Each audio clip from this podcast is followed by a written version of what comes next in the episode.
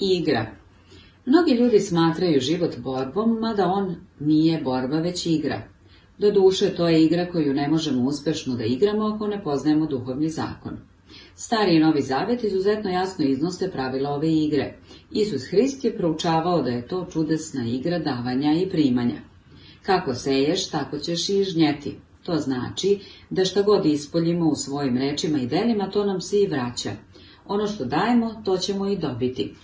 Ako dajemo mržnju, primit ćemo mržnju. Ako dajemo ljubav, primit ćemo ljubav. Ako lažemo, i nas će lagati. Također, naučili smo i da sposobnost imaginacije igra vodeću ulogu u igri zvanoj život.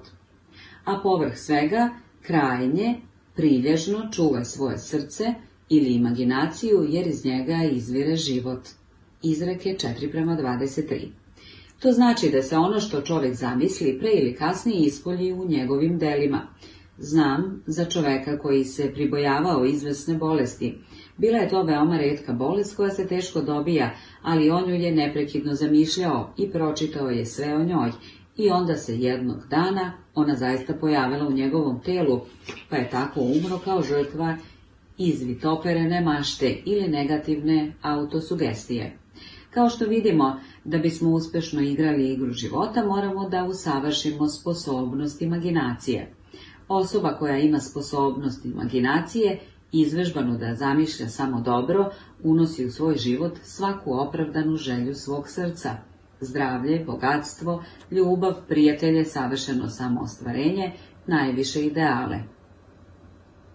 Maštu zovu i makaze uma, jer ona iz dana u dan kroji i prekraja slike na koje čovjek ne ilazi u svom umu, pa se on pre ili kasnije i u spoljašnjem svetu susretne sa onim što je stvorio u mašti. Da bismo uspješno izvežbali maštu, potrebno je razumeti na koji način radi naš um. Stari Grci su rekli, spoznaj samoga sebe. Um ima tri dela, podsvesni, svesni i nadsvesni. Podsvest je samo snaga bez usmerajenja. Ona je poput pare ili električne struje i radi ono što joj se naloži. Sve što čovjek osjeća u dubini duše ili što jasno zamisli, biva utisnuto u podsvesni um i sprovodi se do najsitnijih pojedinosti. Jedna žena koju poznajem u detinstvu je uvek zamišljala da je udovica. Oblačila se u crnu odeću i nosila je dugi crni veo, a ljudi su mislili da je vrlo maštovita i zabavna. Kad je porasla, udala se za čoveka u koga je bila jako zaljubljena. On je ubrzo umro i ona je godinama nosila crninu i dugi veo. Slika nje kao udovice utisnula se u posvesni um i dogledno vreme se obistinila, bez obzira na nesreću koju je time stvorila. Svesni um se naziva i smrtni ili karnalni um. To je ljudski um koji vidi život onakav kakav je na izgled. On vidi smrt, nesreću, bolest, bedu i ograničenost svake vrste i time utiče na nesvesno, Nadsvesni um je Boži um u svakom čoveku i to je oblast savršenih ideja. U njemu je savršeni obrazac koji Platon pominje kao božanski plan, jer božanski plan postoji za svakog čoveka. Ima jedno mesto koje samo ti možeš da popuniš i niko drugi, nešto što ti treba da uradiš, što ne može niko drugi. Savršena slika koja to predočava nalazi se u nadsvesnom umu, on često u bljesku proleti kroz svesni um kao nedostižni ideal, nešto i suviše dobro da bi bilo istinito. U stvarnosti to se čoveku u magnobenju pojavi njegova istinska sudbina ili cilj, potekla iz beskonačne mudrosti u njemu samom. Ipak mnogi ljudi ne znaju šta je njihov istinski put i žude za stvarima i okolnostima koji, koje im ne pripadaju i koje bi im ako bi ih postigli, samo donele neuspeh i nezadovoljstvo. Jedna žena mi je došla i zamolila da izgovorim reč da će se ona udati za izvesnog čoveka u koga se zaljubila. Ona ga je nazvala B. Odgovorila sam joj da bi to bilo narušavanje duhovnog zakona, ali da ću izgovoriti reč za pravog čoveka, za božanski izbor, za čoveka koji joj pripada po božanskom pravu. Dodala sam, ako je B pravi čovek, ne možeš ga izgubiti, a ako nije, dobit ćeš nekoga komu je ravan. Ona ga je često viđala, ali njihovo prijateljstvo nije napredovalo. Jedna večer me je pozvala i rekla, znate, posljednje nedelje B mi više ne izgleda tako divan. Odgovorila sam joj, možda on nije božanski izbor, možda je neki drugi čovek onaj pravi. Ubrzo posle toga srela je drugoga koji se u nju odmah zaljubio i izjavio da je ona njegov ideal. Zapravo, rekao je sve ono što je oduvek priželjkivala da čuje od Bea. Uskoro mu je uzvratila ljubav i sasvim izgubila interesovanje za prethodnog muškarca. Ovdje vidimo kako deluje zakon zamene. Ispravna ideja je zamenila pogrešnu i zato nije bilo nikakvog gubitka niti žrtava. Isus je rekao, potraži carstvo Božje i njegovu pravednost, i sve što treba pripašće ti. I rekao je da je carstvo Božje u samom čoveku. Carstvo Božje je oblast ispravnih ideja ili božanski obrazac. Isus je proučavao da ljudske reči igraju glavnu ulogu u igri života. Tvoje ćete te reči iskupiti i tvoje ćete te reči osuditi. Mnogi su u svoj život uneli nesreću nekontrolisanom pričom. Jedna žena mi je došla s pitanjem zbog čega sada živi u siromaštvu i skučenosti. Prethodno je imala dom, bila je okružena prekrasnim stvarima i imala je mnogo novca. Otkrili smo da su je kućni poslovi često umarali i da je stalno govorila, muka mi je od stvari i zamaraju me, volela bih da živim u nekom sanduku. Danas živim u tom sanduku, rekla mi je. Samu je sebe rečima dovela do sanduka, Podsvesni um je lišen smisla za humor i često prošalu sebe dovodimo do nesrećnih iskustava. Druga žena koju sam poznavala imala je priličnu svotu novca, a stalno se šalila kako se sprema za sirotinski dom. Kroz nekoliko godina ostala je gotovo bez ičega, pošto je u podsvesni um utisnula sliku nemaštine. Srećom, zakon deluje u oba pravca, te se nemaština može promeniti u izobilje. Jednog vrelog letnjeg dana došla mi je jedna žena na tretman za bogatstvo. Bila je iscrpljena, otučena i obeshrabrana. Rekla je da sva njena imovina iznosi samo 8 dolara. Dobro, blagoslovit ćemo 8 dolara i, množ, i umnožiti ih, kao što je Isus Hristos umnožio hleb i ribu, kazala sam joj. Jer on je proučavao da svaki čovjek ima moć da blagoslovi i uveća, da isceli i da uspe. Šta treba dalje da radim, upitala je. Slijedi svoju intuiciju, odgovorio sam joj. Imaš li neki predosjećaj, šta treba da činiš ili kuda da odeš? Intuicija je unutarnje učenje, što znači biti poučen iznutra. Ona je čovekov nepogrešivi vodič. Njene zakone ću potpunije razmotriti u narednim poglavljima. Žena mi je odgovorila, ne znam, javio mi se neki predosećaj da treba da odem kući. Imam novca taman za autobusku kartu. Njen dom bio je u jednom gradu u kome je vladala velika beda i razum ili intelekt bi rekao, ostani u Njujorku, zaposli se i zaradi nešto novca. Onda idi kući, odgovorila sam joj, nikad nemoj da zanemariš predosećaj. Izgovorila sam sljedeće reči. Beskonačni otvorio i put za veliko obilje, ona je neodoljivi magnet koji privlači sve što je pripada po božanskom zakonu. Rekla sam joj da to neprestano ponavlja u svoje ime i ona je odmah otišla. Jednog dana svratila je kod neke prijateljice i tamo stupila u vezu sa starim porodičnim prijateljem. Preko ovog prijatelja je na najčudnovatiji način dobila veliko bogatstvo. Često mi je govorila, ispričaj ljudima za ženu koja ti je došla sa 8 dolara i predosećajem. Obilje je uvek na našem putu. Ono, međutim, može da se ukaže samo uz pomoću želje, vere ili izgovorene reči. Isus je jasno predočio da mi moramo da napravimo prvi korak. Molite i daće vam se, tražite i naći ćete, pokucajte i otvorit će vam se. U Svetom pismu čitamo u skladu sa delom mojih ruku zapovedi mi. Beskonačna mudrost Bog je uvek spremna da izgubi čovekove najmanje i najveće zahteve. Svaka želja izgovorena ili neiskazana predstavlja zahtev. Često se zaprepastimo kada nam se neka želja iznenada ispuni. Jednog uskrsta, pošto sam u izlogu cvećare videla prekrasne bukete ruža, poželjala sam da ja dobijem jedan i na trenutak sam mentalno videla kako mi ga donose pred vrata. Došao je uskrs i sa njim prelepi buket ruža. Narodnog dana sam se zahvalila prijateljici koja je poslala cveće, rekavši joj da je to bilo upravo ono što sam poželjela. Nisam ti poslala ruže, već ljigane, rekla je. Čovjek u cvećari je zamenio poručbine i poslao mi ruže samo zato što sam pokrenula zakon, pa sam morala da dobijem ruže. Ništa ne stoji između čoveka i njegovih najuzvišenijih ideala i svake želje njegovog srca osim sumnje i straha. Kada čovjek može da poželi, a da ne bir, a da ne brine, svaka želja će mu se ispuniti. U narednom poglavlju potpunije ću izneti argumente za ovakvo, za ovakvo tvrđenje i kako da iz svesne, kako da iz svesti iskorenimo strah. On je čovekov jedini prijatelj, strah od siromaštva, strah od neuspeha, strah od bolesti, strah od gubitka, kao i opšti osjećaj nesigurnosti. Hrist je rekao, zašto ste strašljivi, o vi maloverni? Kao što vidimo, moramo da zamenimo strah verom i ljubavlju, jer strah je zapravo samo naopaka vera, to je vera u zlo umjesto u dobro.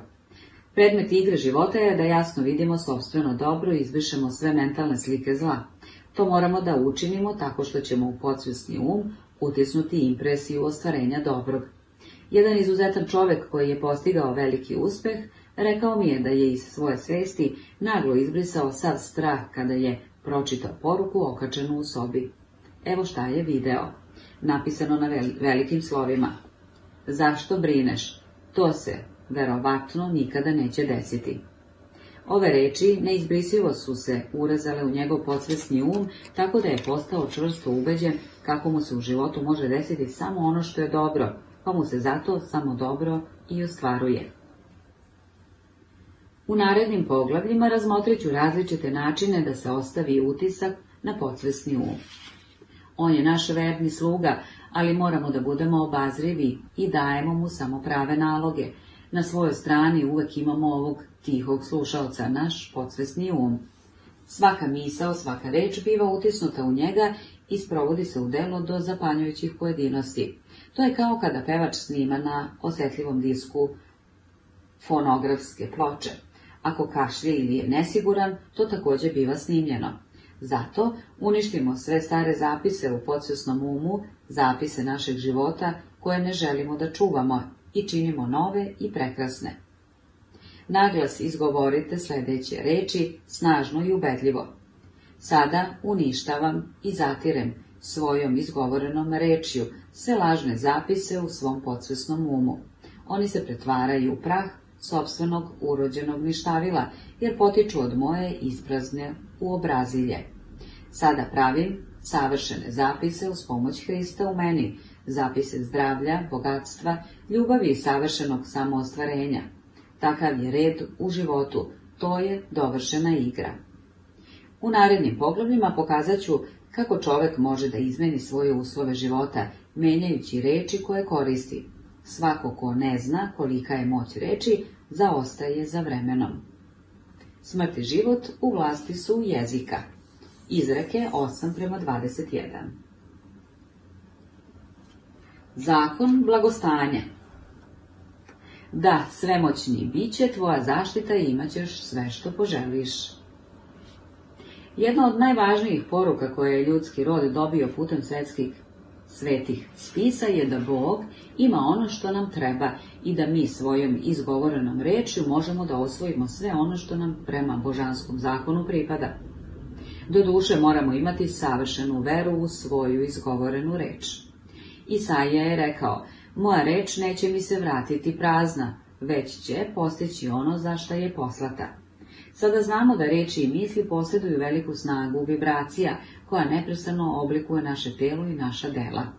Jedna žena došla je kod mene i rekla mi da je u velikoj nevolji, jer do 15. u mesecu treba da plati neku kaznu od 3000 dolara. Uopšte nije znala kako da dođe do novca i bila je očajna. Rekla sam joj da Bog ima ono što joj treba i da je u njemu ispunjenje svakog zahteva. I tako sam izgovorila reč. Odala sam zahvalnost što će ona, što će žena dobiti 3000 dolara u pravo vreme i na pravi način. Napomenula sam joj da mora imati savršenu veru i delovati u skladu sa savršenom verom. Došao je 15. ali nikakav se novac nije pojavio. Pozvala me telefonom i upitala šta treba da učini. Danas je subota, odgovorila sam. Dakle, danas te neće osuditi. Na tebi je da se ponašaš kao da si bogata, pokazujući time savršenu veru da ćeš do ponedeljka dobiti novac. Tako me je ona pozvala na ručak kako bih joj pomogla da ne izgubi hrabrost. Kada sam joj se pridružila u restoranu, rekla sam, ovo nije trenutak za štedljivost. Naruči skup ručak, ponašaj se kao da si već dobila 3000 dolara. Sve što molitvom zatražiš, verujući, to ćeš i dobiti. Moraš da se ponašaš kao da si već dobila novac, dodala sam.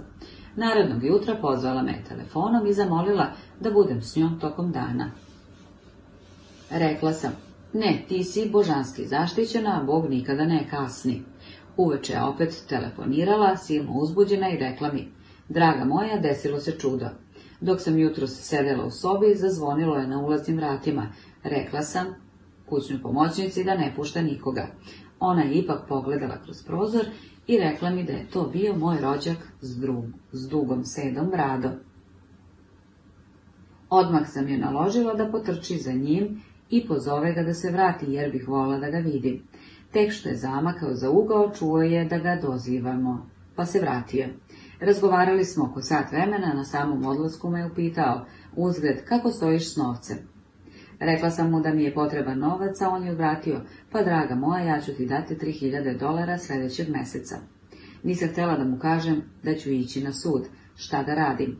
Neću dobiti novac pre sljedećeg mjeseca, a moram ga imati sutra. Duh nikada ne kasni, rekla sam. Odajem zahvalnost što je dobila novac na nevidljivom planu i što se on ispoljava na vreme. Sljedećeg jutra rođak joj se javio i rekao, dođi danas u moju kancelariju i daću ti novac. Tog popodneva imala je na računu u banci 3000 dolara i silno uzbuđena ispisala je potrebni ček. Ako zatražimo uspeh, a spremamo se za neuspeh, dobit ćemo ono za što se spremamo. Jedan čovjek mi je došao, zamolivši me da izgovorim reč kako bi se neki njegov dug poništio. Međutim, otkrila sam da je sve vreme proveo u planiranju kako da se opravda kada ne bude platio dug, neutrališući time moje reči.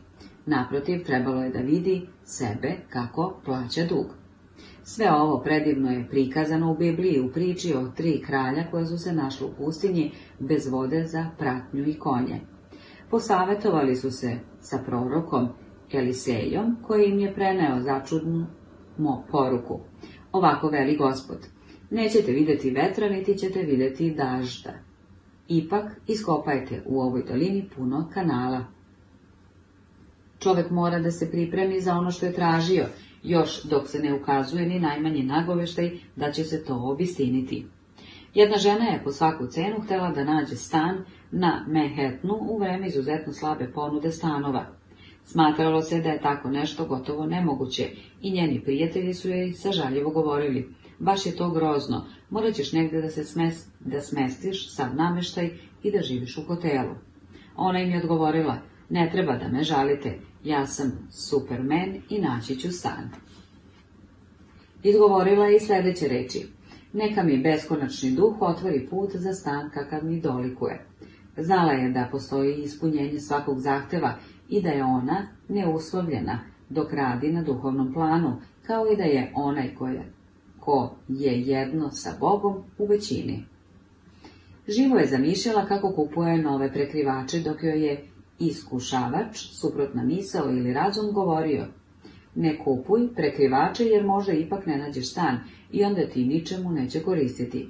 Spremno je odgovorila sebi, iskopat ću svoje kanale kupovnom, kupovinom prekrivača.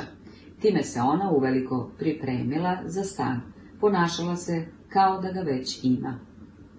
Na čudesan način zaista je i našla stan koji je želala, iako je za njega konkurisalo još 200 drugih ljudi. Prekrivači su predstavljali aktivnu veru. Suvišno je reći da su kanali koje su tri kralja iskopala u pustinji bili prepuni vode. Druga knjiga o kraljevima. Prosečnoj osobi nimalo nije lako da se uskladi sa duhovnom, duhovnim ritmom stvari. Iz podsvesti se pojavljuju nepovoljne misli, sumnje i straha. One su vojska uljeza koja se mora naterati u bekstvo. To objašnjava zašto je često najmračnije predsvitanje. Važnom ostvarenju često prethodne mučne misli. Kada objavi neku uzvišenu duhovnu istinu, čovjek izaziva uvrežena verovanja u podsvesnom i greška se izno iznosi na videlo da bi se izbacila. To je trenutak kada stalno treba da ponavljamo afirmacije istine. Radujemo se i zahvaljujemo što smo je već primili. Pre nego me pozoveš, odgovorit ću. To znači da je svaki dobar i savršen dar već čovekov i da samo čeka da ga on prepozna. Čovek može da primi samo ono što sam vidi da prima. Deci Izraela rečeno je da mogu imati svu zemlju koju vide. To je istina za svakog čoveka. On posjeduje samo onu zemlju koja je u okviru njegove mentalne vizije. Svako veliko delo, svako značajno postignuće dospelo je na svet ne odstupanjem od vizije, a neposredno pre velikog uspjeha često dolazi privida neuspeh i obeshrabrenje. Kada su deca Izraela stigla do obećane zemlje, uplašile su se da kroče u nju, jer je, kako kažu, bila puna džinova koji su ih naveli da se osete kao skakavci. I tamo vide smo džinove, a sami sebi izgleda smo kao skakavci. Ovo je iskustvo gotovo svakog čoveka. Ipak onaj ko poznaje duhovni zakon nije uznemiren izgledom stvari i raduje se dok je još u zatočeništvu. To znači da se drži svoje vizije i zahvaljuje se što je cilj postignut na onom što je primio. Isus nam je pružio izvanredan primjer za ovo. On je rekao apostolima, zar ne kažete još četiri meseca da prođu i bit će žetva? Gle čuda, ja vam velim, pogledajte polja, jer već su uzrela i spremna za žetvu. Njegova jasna vizija prodrla je kroz svet materije i on je jasno video svet četvrte dimenzije, stvari onakve kakve zapravo jesu, savršene i potpune u božanskom umu. Čovek zato uvek mora da se drži vizije kraja svog putovanja i traži ostvarenje nečega kao da je to već primio. To može da bude njegovo savršeno zdravlje, ljubav, posed, samoostvarenje, dom ili prijatelji. Sve su to dovršene i savršene ideje zapisane u božanskom umu, čovekovom nadsvesnom umu i moraju da dođu uz njegovu pomoć. Jedan čovek tražio od mene tretman za uspeh.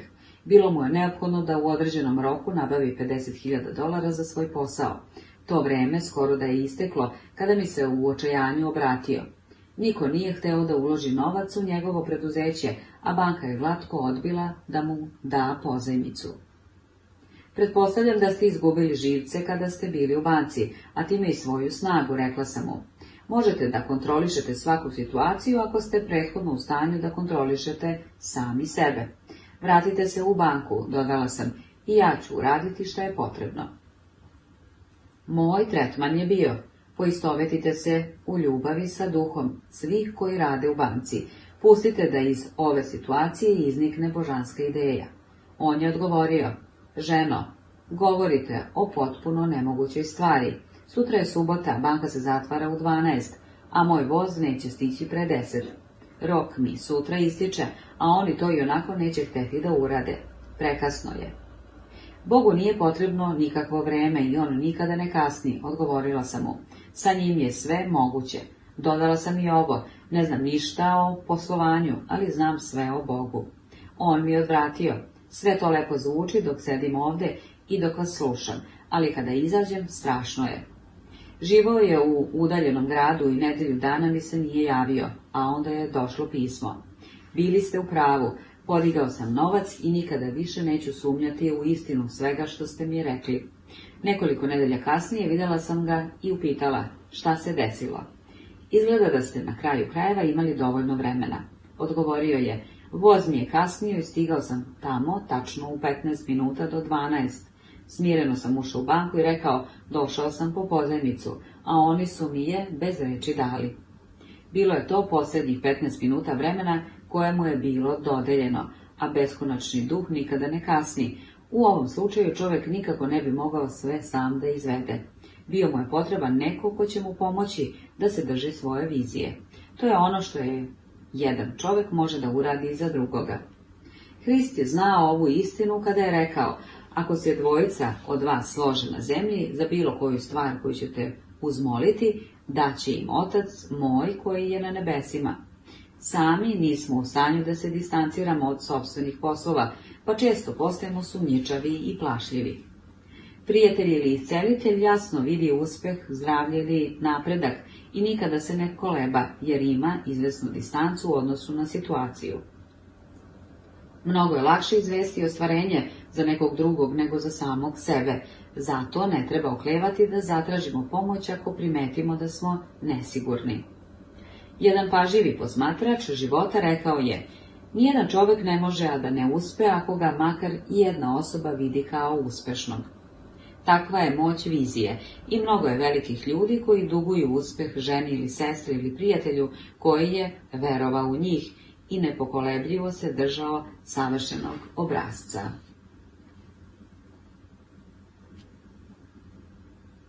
Moć reći Tvoje ćete te reći iskupiti i tvoje ćete te reči osuditi. Onaj ko veruje u moć reći, uvek veoma pazi šta govori. Dovoljno je da posmatra ono što njegove reči izazivaju da bi znao da se one ne vraćaju prazne. Rečima koje izgovaramo neprestano stvaramo zakone za sebe. Poznavala sam čoveka koji je govorio, uvek propustim autobus. On obavezno ode baš kada je sti. On obavezno ode baš kada ja stignem. Njegova čerka je govorila, ja uvek uhvatim autobus. On obavezno dođe baš kad ja stignem. Ovo se događalo godinama. Svako od njih stvorio je poseban zakon za sebe, jedan o neuspehu, a drugi o uspehu. To je psihologija sueverija. Konjska potkovice ili zečja šapa nemaju nikakvu moć, ali čovekova izgovorena reč i verovanje da će mu to doneti dobru sreću stvara očekivanje u podsvesnom umu i privlači srećnu situaciju. Otkrila sam međutim da to ne deluje kada je, kada je čovek duhovno uznapredovao i upoznao viši zakon. On ne može da se vrati unazad i mora odbaciti utisnute predstave. Dva čoveka u mojoj klasi nekoliko meseci bili su veoma uspešni u svojim poslovima, dok iznenada sve nije otišlo dođevala. Pokušali smo da analiziramo situaciju, pa sam otkrila da je svaki od njih, umjesto da misli pozitivno i obrati se Bogu za uspeh i blagostanje, kupio neku amajliju. Rekla sam, da shvatam, verovali ste u amajlije umjesto u Boga. Rešite se Majlija i prizovite zakon opraštanja, jer čovjek ima moć da poništi sobstvene greške. Odbacili su Majlije u podrum za ugalj i opet je sve bilo kako treba. Doduše, to ne znači da sada treba da bacimo svaki predmet koji donosi sreću ili potkovicu koju nađemo u kući, već samo da prepoznamo kako je moć koja iza nje stoji jedna i jedina moć, Bog, i da nam takav predmet jednostavno pruža osjećaj i očekivanja. Jednog dana šetala sam sa prijateljicom koja je bila veoma potištena. Dok smo prelazile ulicu, podigla je konjsku potkovicu. Odmah su je ispunile radost i nada. Rekla je da joj je Bog poslao potkovicu da bi joj podigao moral. U tom trenutku to je zaista bila jedina stvar koju je njena svest mogla da registruje. Njena nada je postala vera, što je na kraju dovelo do izuzetnog ostvarenja. Ovdje bih htjela da razjasnim da su ona dva čoveka, koje sam prethodno pomenula, zavisila jedino od Amajlija, dok je ova žena prepoznala moć koja stoji iza konjske potkovice. Iz sobstvenog iskustva znam da mi je dugo trebalo da se okanem verovanja kako izvesna situacija donosi razočaranje, kada bi do takve situacije došlo, neizostavno bi usledilo i razočaranje. Otkrila sam da je jedino način na koji mogu da unesem promenu u podsvesno, ako kažem, ne postoje dve moći, postoji samo jedna moć, Bog, zato nema razočaranja i ovo predstavlja srećno iznenađenje. Odmah sam primetila promenu i srećna iznenađenja počela su da mi se javljaju na putu. Imam prijateljicu koja je rekla da ništa ne može da je natera da prođe ispod mergelina Rekla sam joj, ako se bojiš, predaješ se verovanju u dve moći, dobro i zlo, umjesto u jednu.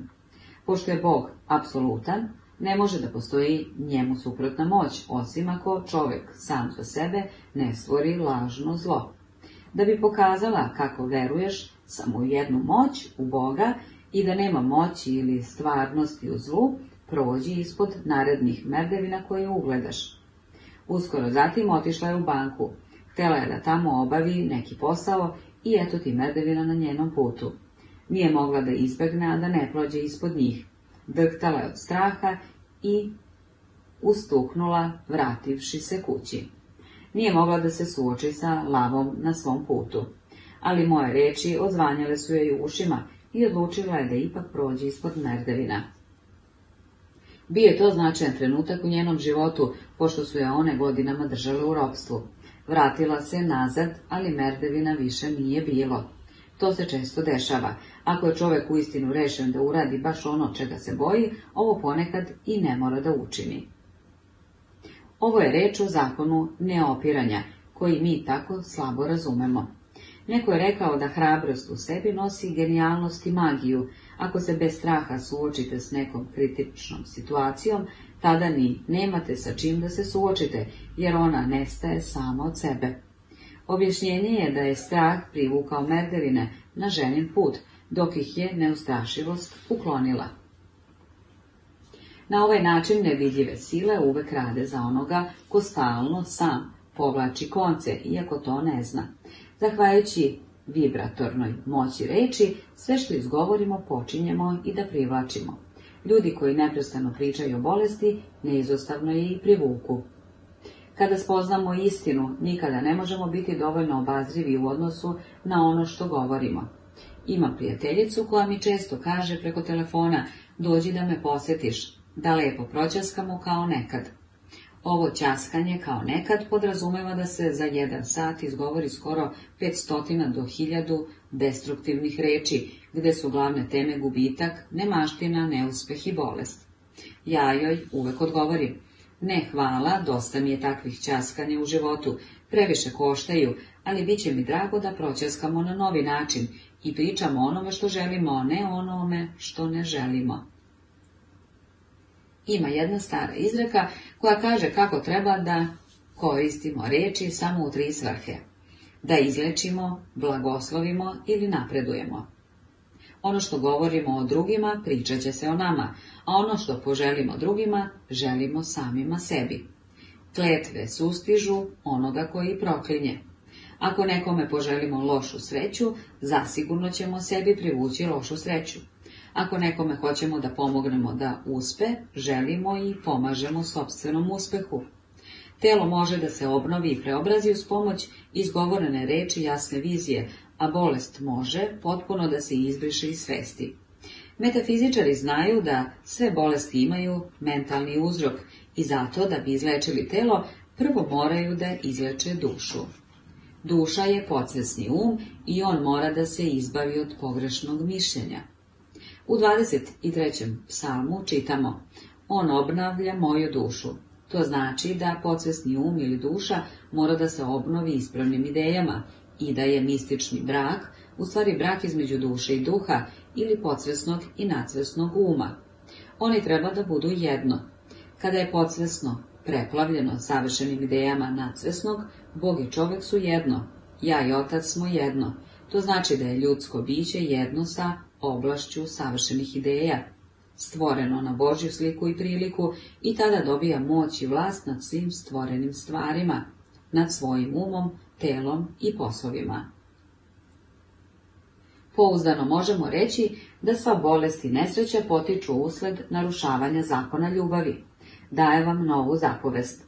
Volite jedni druge, a u igri života sva veština je u ljubavi i dobronamernosti. Jedna moja poznanica godinama je patila od neprijetne kožne bolesti. Lekari su je rekli da je bolest neizlečiva i ona je bila očajna. Bila je glumica i strahovala je da će uskoro morati da napusti svoju profesiju, a nije imala druga sredstva za izdržavanje. Ipak uspjela je da dobije dobru ulogu i da na premijeri ostvari veliki uspeh. Dobila je laskave kritike i bila je radosna i oduševljena. Dan posle premijere našla je poruku o otkazu. Jedan glumac u istoj predstavi bio je ljubomoran na njen uspeh i sve je učinio da ona bude otpuštena. Osjetila je da je sasvim odbuzimaju mržnja i prezir, pa je zavapila. O Bože, ne dopusti mi da mrzim tog čoveka. Te noći je satima meditirala. Utonula sam u veoma dubok mir, pričala mi je.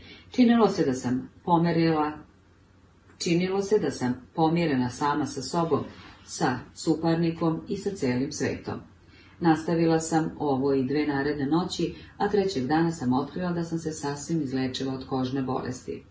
Traženjem ljubavi i dobronamernosti ona je ispunila zakon, jer ljubav je ispunjenje zakona i bolest koja je potekla od nesvesne ogorčenosti bila je izbrisana. Neprekidno kritikovanje stvara reumatizam, zato što kritičke, neskladne misli stvaraju neprirodne naslage u krvi, koje se talože u slobovima. Nepravilne izrasline prouzrokovane su ljubomorom, mržnjom, Neopraštanjem, strahom i tako dalje. Svaku bolest stvorio je um koji nije spokojan. Jednom sam u svojoj klasi rekla, nema svrhe da nekoga pitate šta ti je, jer isto tako možemo da pitamo ko ti je. Neopraštanje je najčešći uzrok bolesti. Ono će otvrdnuti arterije ili jetru i uticaće će na vid. Ono za sobom povlači beskrajne nevolje. Jednoga dana pozvala sam ženu koja je rekla da se otrovala ostrigom. O ne, ostriga je bila bezopasna. Ti si zatrovala ostrigu, rekla sam joj. Šta ti je? Pa, otprilike devetnaest ljudi, odgovorila mi je. Posvađala se sa devetnaest ljudi i postala je toliko neuslađena da je privukla lošu ostrigu. Svaki nesklad spolja ukazuje na mentalni nesklad. Kako je iznutra, tako i iz polja.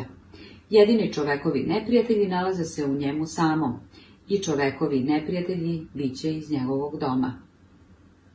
Ličnost, naš ego, jedan je od posljednjih neprijatelja koje treba prevazići, jer ova planeta počinje da se inicira u ljubav. Hristova poruka je mir na zemlji, dobra volja među ljudima. Tako prosvetljeni čovek nastoji da se usavrši uz pomoć svoga suseda, on radi na sebi da bi poslao dobru volju i blagoslove svim ljudima, a čudesno je što kad blagoslovimo nekoga, taj nema moć da nam naudi. Jedan čovjek me je zamolio da poradim na njegovom uspjehu u poslu. Prodavao je mašine i na tržištu se pojavio konkurent s nečim što je reklamirao kao bolju mašinu, pa se moj prijatelj uplašio neuspeha. Pre svega moramo da izbrišemo sad strah. Rekla sam mu, i znaj da Bog štiti tvoje interese, tako da iz ove situacije mora da iznikne neka božanska primisao. To će reći pravu mašinu, će prodati pravi čovek pravom čoveku. I dodala sam, ne gajem jednu kritičku misao prema svom konkurentu. Čitav dan mu samo upućuj blagoslove i budi spreman i da ne prodaš svoju mašinu ako je to, ako je to Božja volja. I tako je on otišao na zakazani sastanak bez straha i bez otpora, blagosiljajući konkurenta. Rekao mi je da je ishod bio krajnje izuzetan. Mašina konkurenta nije proradila, tako da je on svoju prodao. A ja vam kažem, ljubite neprijatelje svoje, blagosiljajte one koji vas proklinju, činite dobro onima koji vas mrze i molite se za one koji vas vređaju i progone. Dobra volja proizvodi veliku zaštitnu auru oko onoga koje šalje i nijedno oružje koje se usmeri protiv njega neće uspeti. Drugim rečima, ljubav i dobra volja uništavaju neprijatelje u samom čoveku i zato čovek ni s polja nema neprijatelja. Mir na zemlji onome ko šalje dobru volju ljudima.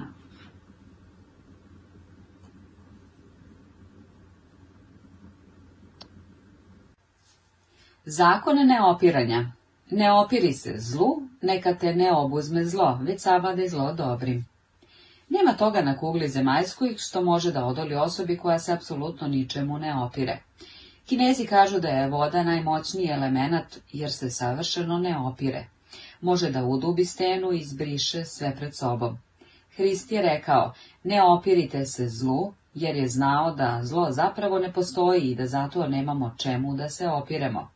Zlo potiče od čovekove zaludne mašte ili verovanja u dve moći, dobro i zlo.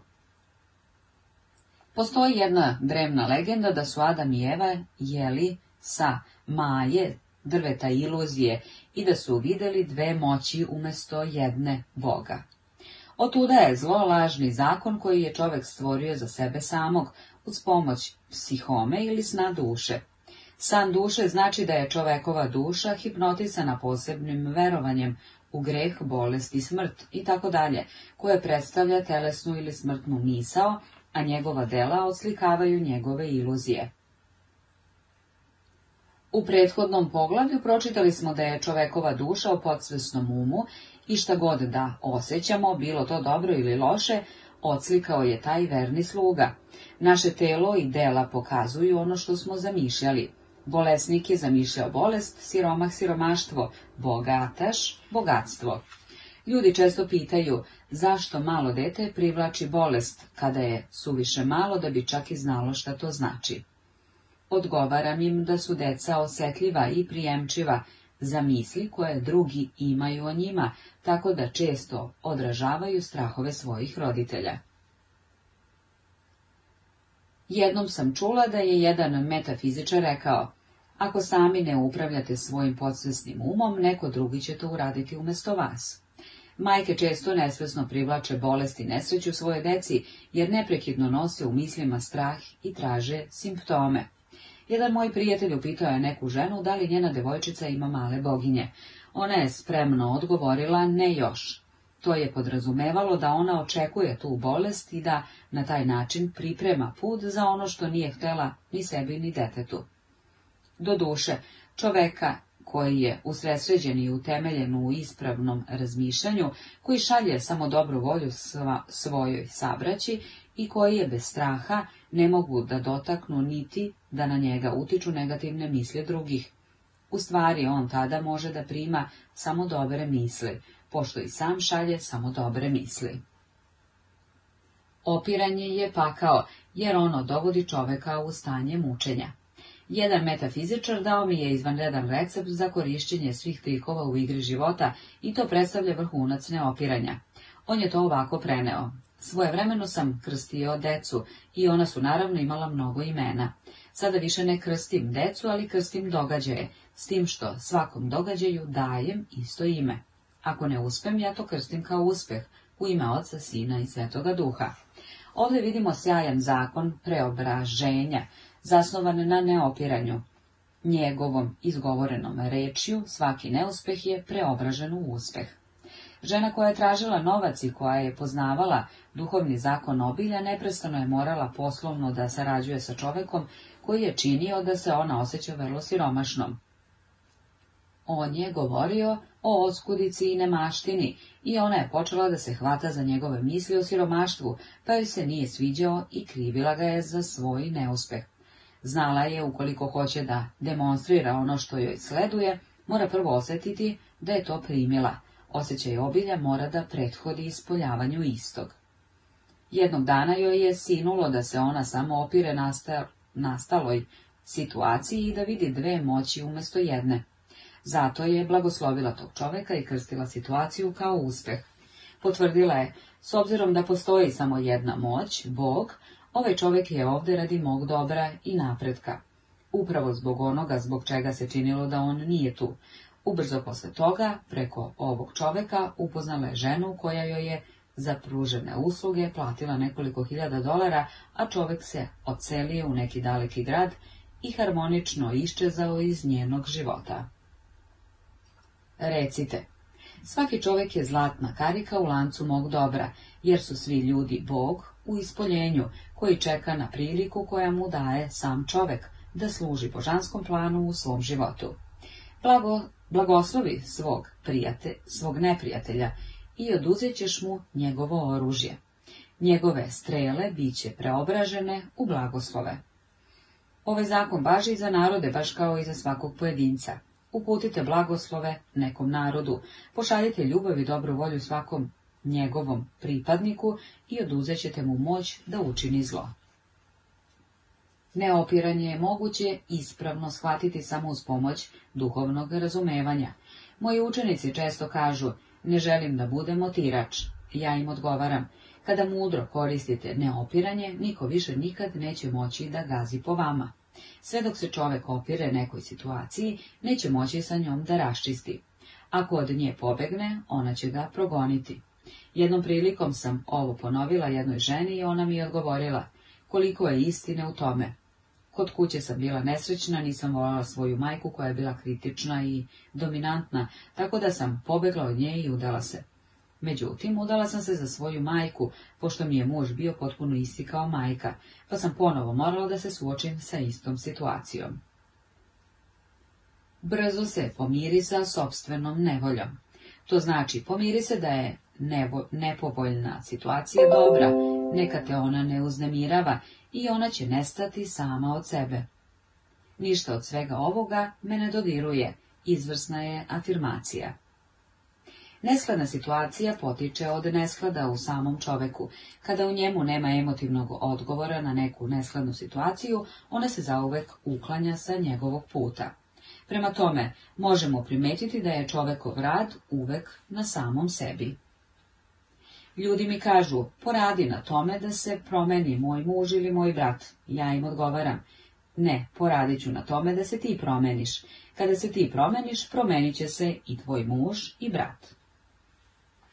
Jedna moja učenica često je lagala. Rekla sam joj da je to pogrešan metod, jer ako laže, i nju će lagati. Odgovorila je, baš me briga, ja ne mogu, a da ne lažem. Jednog dana je preko telefona razgovarala sa čovekom u koga je bila veoma zaljubljena. Rekla mi je, ne vjerujem mu, znam da me laže. Pa, odvratila sam, i sama se služiš lažima, zato i tebe neko mora lagati, a budi sigurna da će to biti upravo ona osoba od koje želiš istinu. Poslije izvesnog vremena ponovo sam je videla i ona mi je rekla, izlečila sam se od laganja. Šta te je izlečilo, upitala sam. Živim sa ženom koja laže gore od mene, odgovorila je.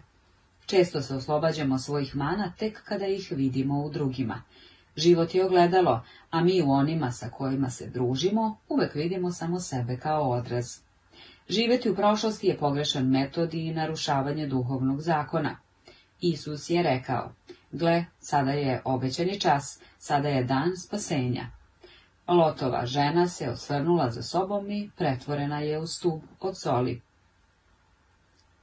Kradljivci vremena su prošlost i budućnost. Ako robujemo prošlosti, treba da je blagoslovimo i zaboravimo, a treba i da blagoslovimo budućnost, znajući da nam ona donosi beskrenu radost, ali bi trebalo da u potpunosti živimo u sadašnjosti. Jedna žena mi se žalila da nema para za kupovinu božićnih poklona. Rekla je, prošle godine je sve bilo drugačije. Imala sam puno para i svima sam dala divne poklone a ove godine jedva da imam neku paru.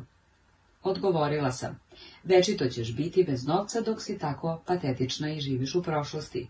Živi potpuno sada i pripremi se za davanje božićnih poklona. Iskopaj svoje kanale i novac će doći. Uskliknula je, znam šta ću, kupit ću neke fine brokatne trake, ukrasni papir i božićne paketiće. Odvratila sam, uradi to i pokloni će doći i upakovati se u božićne paketiće. Ovim se također pokazuje financijska neustrašivost i vera u Boga, jer razum kaže, čuvaj svaku paru, nisi sigurna da li ćeš je, nisi sigurna da li ćeš još dobiti. Kupila je božićne pakete, papir i traku i nekoliko dana pre Božića dobila je na poklon nekoliko stotina dolara. Kupovina paketa i traka je u podsvest utisnula očekivanje koje je otvorilo put za pojavu novca. Moramo da živimo zadržavajući se u sadašnjem trenutku. Zato dobro pogledajte današnji dan, to je pozdrav zore. Potrebno je da budemo duhovno budni, da uvek iščekujemo smernice i da iskoristimo svaku priliku. Jednog dana neprekidno sam u sebi ponavljala, beskonačni ne dozvoli da me ne shvatim. U čemu je stvar? i te večeri mi se desilo nešto veoma važno. Najvažnije je da dan započnemo pravim rečima. Naprimjer, neka ovog dana bude volja tvoja. Danas je dan upotpunjenja. Zahvaljujem se na ovom savršenom danu, čudo će slediti čudo i neće biti kraja čudesima. Neka vam ovo postane navika i vidjet ćete kako će čuda početi da se dešavaju u vašem životu.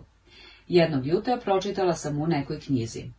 Pogledaj začudno u ono što je pred tobom. Izgledalo mi je kao da je to moja poruka za taj dan, pa sam je stalno ponavljala. Pogledaj začudno u ono što je pred tobom. Naravno, nikada ne bi trebalo da koristimo afirmacije ako nas apsolutno ne zadovoljavaju u i nisu ubedljive za našu svest, tako da se često neka afirmacija menja da bi odgovarala različitim ljudima. Sljedeća izjava mnogima je donela uspeh. Imam odličan posao, u odličnim uslovima, odlično radim, za odličnu platu. Ja sam prvi deo dala jednoj svojoj učenici, a ona je dodala drugi. To je izjavu učinilo izuzetno moćnom, pošto bi dobar rad uvek trebalo dobro platiti, a u ovom obliku, kao stihovi, lako utiskuje u podsvest. Ona je išla unaokolo i to nagle spevala, da bi ubrzo dobila odličan posao u odličnim uslovima i radila je odlično za odličnu platu. Jedan moj drugi student, poslovan čovek, uzeo ovu izjavu, ali je reč zaposlenje promenio u biznis. Ponavljao je, imam odličan biznis uz odlične uslove i radim odlično za odličnu platu.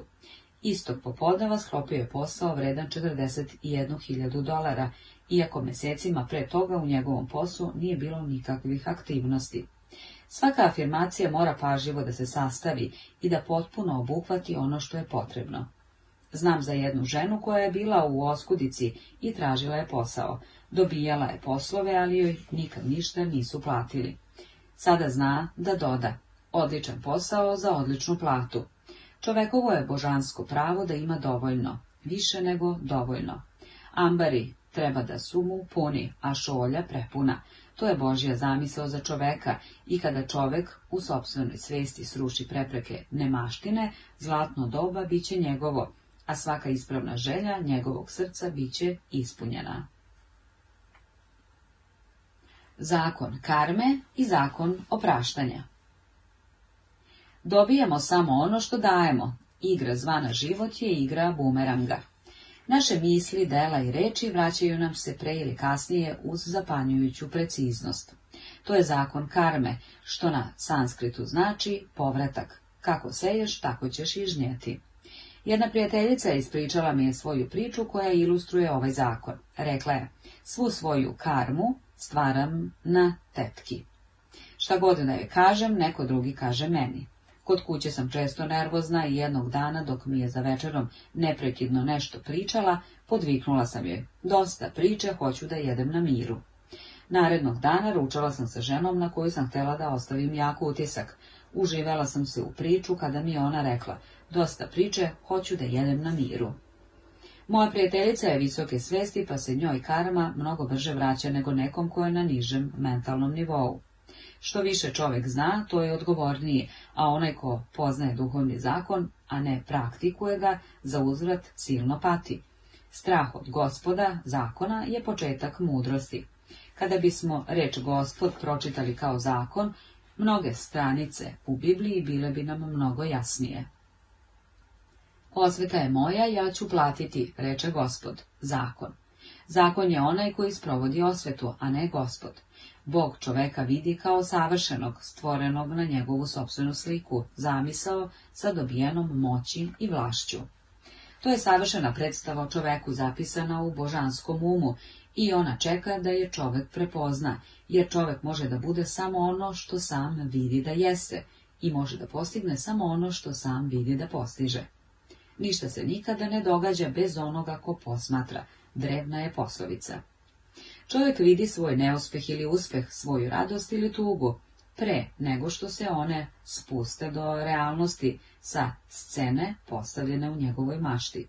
Ovo smo se osvjedočili u slučaju majke koja vidi kako bolesti napadaju njeno dete ili u slučaju žene koja vidi uspjeh za svog muža.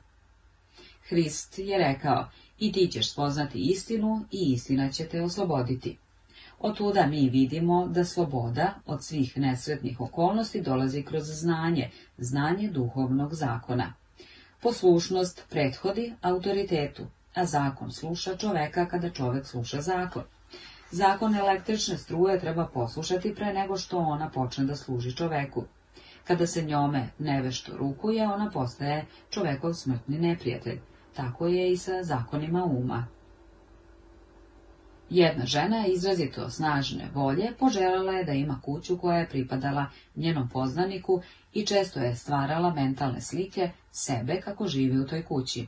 Posle nekog vremena čovjek je umrao i ona se uselila u kuću. Nekoliko godina nakon toga, došavši do spoznaje duhovnog zakona, rekla mi je, mislite li da ja imam neke veze sa smrću tog čoveka? Odgovorila sam joj, da, vaša želja je bila toliko jaka da je sve načinilo prolaz za nju, ali i sami ste platili karmički dug. Vaš suprug, koga ste tako nežno volili, umro je ubrzo posle toga, a kuća vam je ostala kao skup i beskoristan posjed. Ipak, njene misli ne bi imale uticaja na prvobitnog vlasnika, da je bio pozitivan u istini, kao ni na njenog muža. Međutim, obojice su bili pod vlašću karmičkog zakona. Trebalo je da žena kaže, osjećajući veliku želju za kućom. Beskonačno mudrosti, daj mi pravu kuću, jednako lepu kao što je ova, kuću koja je moja prema božanskom pravu.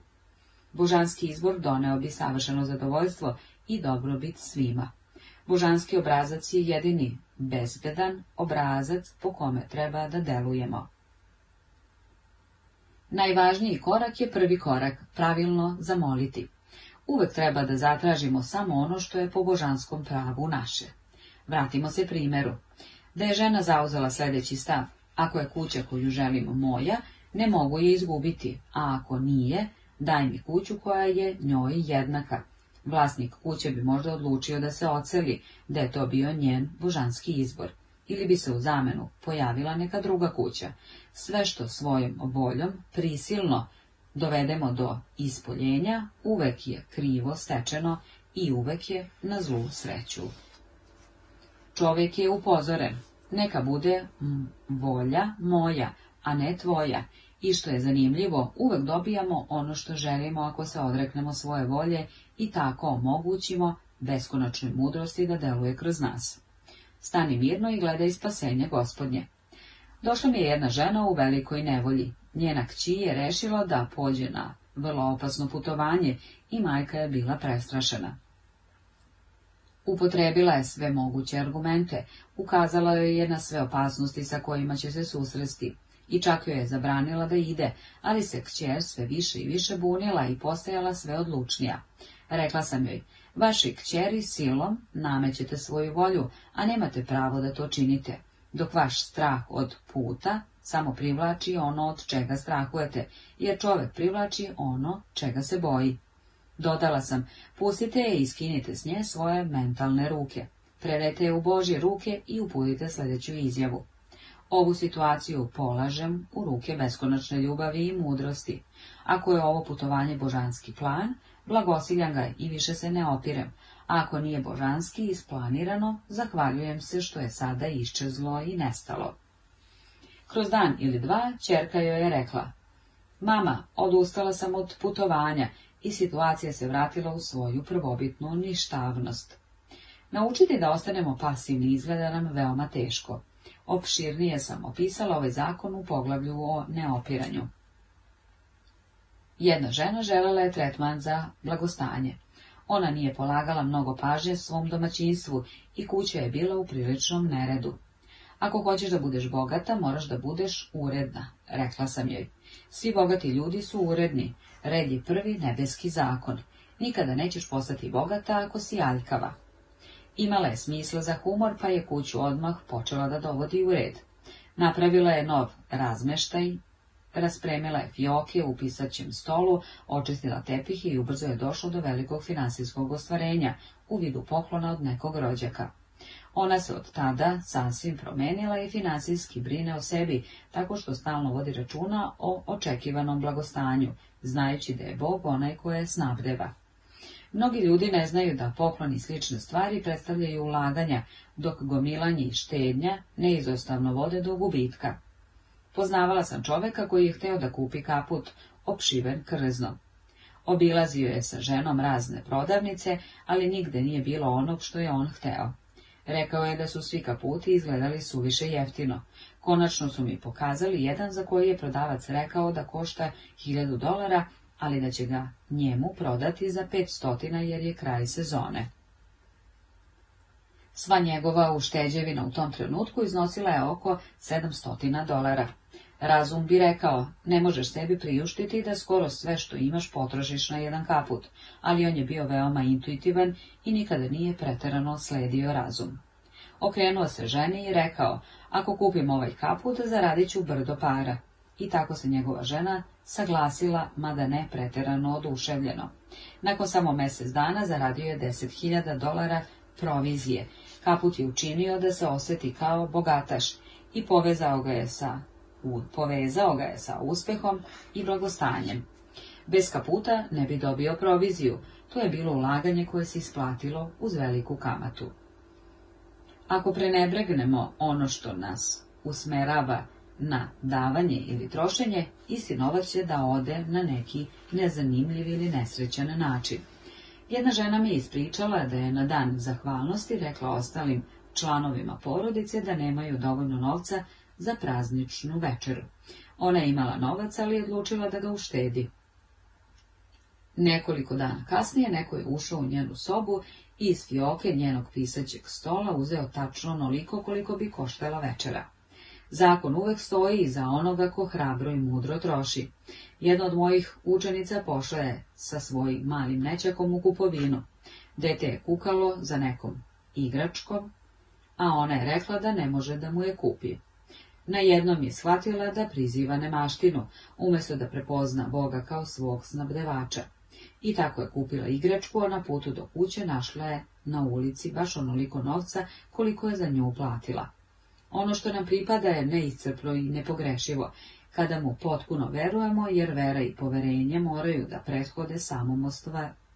samom ostvarenju. Prema tvojoj veri neka ti bude, Vera je suština stvari kojima se nadamo, dokaz o stvarima koje ne vidimo, jer vera našu viziju održava postojanom, a nepovoljne slike uništava i razlaže, tako da ćemo u dogledno vreme žnjeti ako ne klonemo duhom. Isus je doneo dobre vesti, Jevanđelje, da postoji viši zakon od zakona karme i da taj zakon prevazilazi zakon karme. To je zakon milosti ili opraštanja, koji nas oslobađa od zakona uzroka i posljedice, zakona doslednosti, pod okriljem milosti, a ne prema zakonu. Rečeno nam je da na ovom nivou čovek žanje i tamo gde nije posijao, jednostavno biva obasut Božjim darovima. Sve što kraljevstvo pruža, njegovo je. Ovo neprestano stanje blaženstva čeka one koji su prevazišli racionalnu, svetovnu misao. U svetovnoj misli ima patnje i nevolje, a Hrist je rekao, budi vedrog duha, ja sam prevazišao svet. Svetovna misao je misao o grehu, bolesti i smrti. Isus je video potpunu nestvarnost takvih misli i rekao da će bolesti tuga nestati, a da će i sama smrt, naš posljednji neprijatelj, biti prevaziđena. Sa naučne tačke gledišta sada znamo da smrt može da se prevaziđe ako u podsvesni um utisnemo ubeđenje u večnu mladost i večni život. S obzirom da je podsvest samo moć koja nema usmerenja, ona bespogovorno sprovodi naloge koje dobija. Ako radimo rukovođeni nacvešću, Hristom ili Bogom u čoveku, postići ćemo uskrsnuće tela. Čovjek više neće odbacivati telo u smrti, ono će biti preobraženo u telo električno, o kome peva Walt Whitman, jer je hrišćanstvo zasnovano na opro oproštaju greha i praznoj grobnici.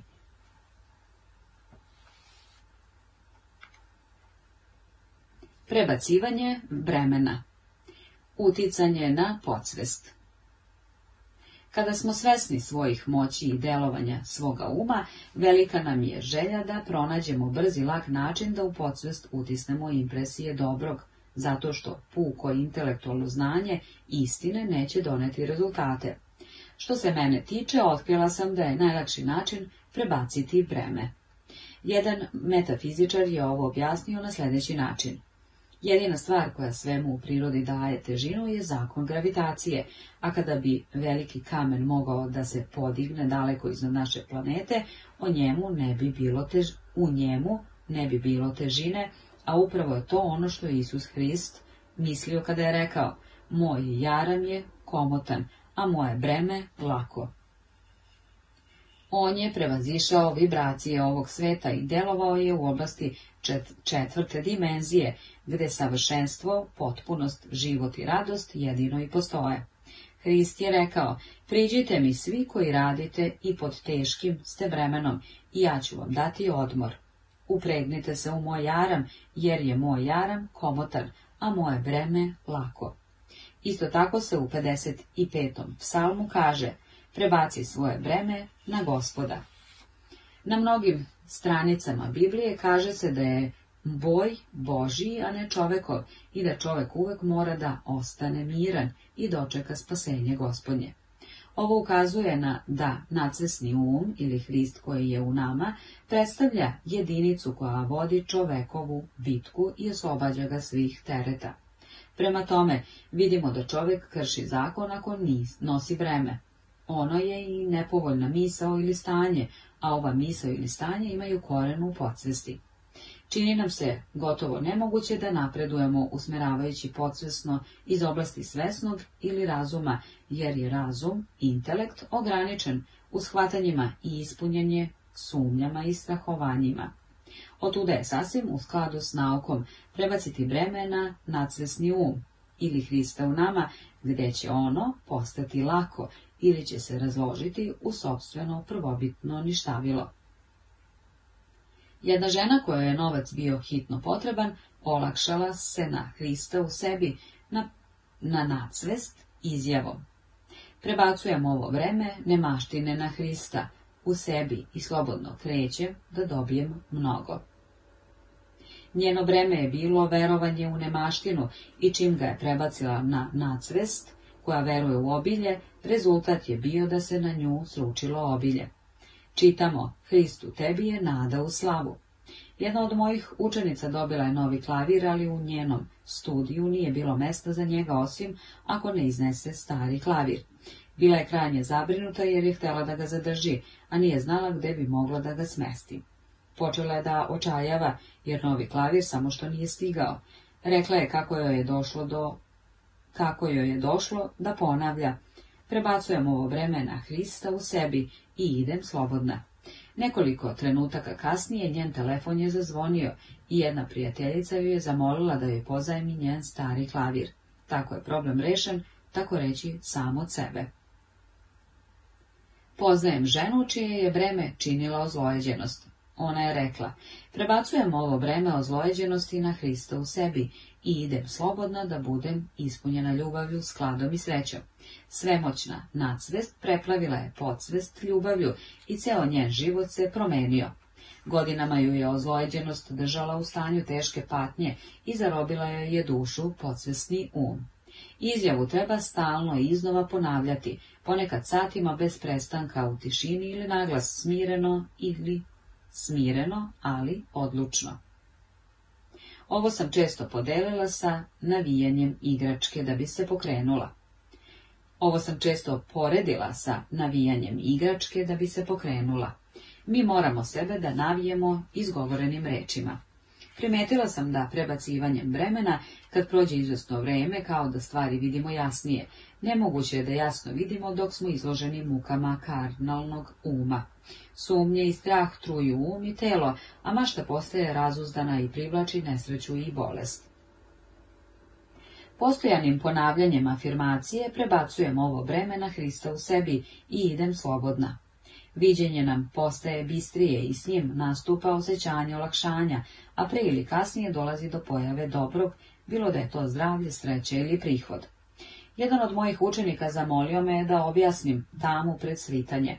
U prethodnom poglavlju pomenula sam da pre nekog velikog ostvarenja često izgleda kao da je sve krenulo naopako i teška depresija pomračuje nam svest. To znači da iz podsvesti izlaze predavne sumnje, pradavne sumnje i strahovi. Ove prastare olupine podsvesti izlaze na površinu da bi bile oterane. Tada čovek može da se zahvali što je spasen, iako je izgledalo da je okružen neprijateljem, nemaštinom ili bolešću. Učenik je nastavio, koliko dugo moramo da ostanemo u tami, a ja sam mu odgovorila, sve dok ne budemo mogli da vidimo u mraku. Kao i prebacivanje vremena omogućuje nam da vidimo u mraku. Da bismo nešto utisnuli u podsvest, uvek je preko potrebno imati aktivnu veru. Vera bez dela je mrtva. Daću vam još jedan primjer koji pokazuje koliko je ovaj korak neophodan. U stvari, aktivna vera je most koji čovek prelazi do svoje obećane zemlje. Zbog neke nesuglasice, jednu ženu je napustio muž koga je veoma volela. Odbio je sve ponude za pomirenje i nije hteo da ima bilo kakve veze s njom. Upoznaši se s duhovnim zakonom, ona je porekla postojanje odvojenosti. Sačinila je ovakvu izjavu, nema odvojenosti u božanskom umu, zato ni ja ne mogu biti odvojena od ljubavi i družbenika koji mi po božanskom zakonu pripada. Pokazala je aktivnu veru, time što je svakoga dana postavljala trpezu iza njega, utičući tako na podsvest slikom njegovog povratka. Prošlo je više od godinu dana, a da ona nijednom nije pokleknula, i on je jednoga dana ušao. Na podsvest često možemo da utičemo putem muzike. Muzika posjeduje osobinu četvrte dimenzije i oslobađa dušu iz zatočeništva. Ona čini da čudesne stvari izgledaju moguće i lako ostvarive.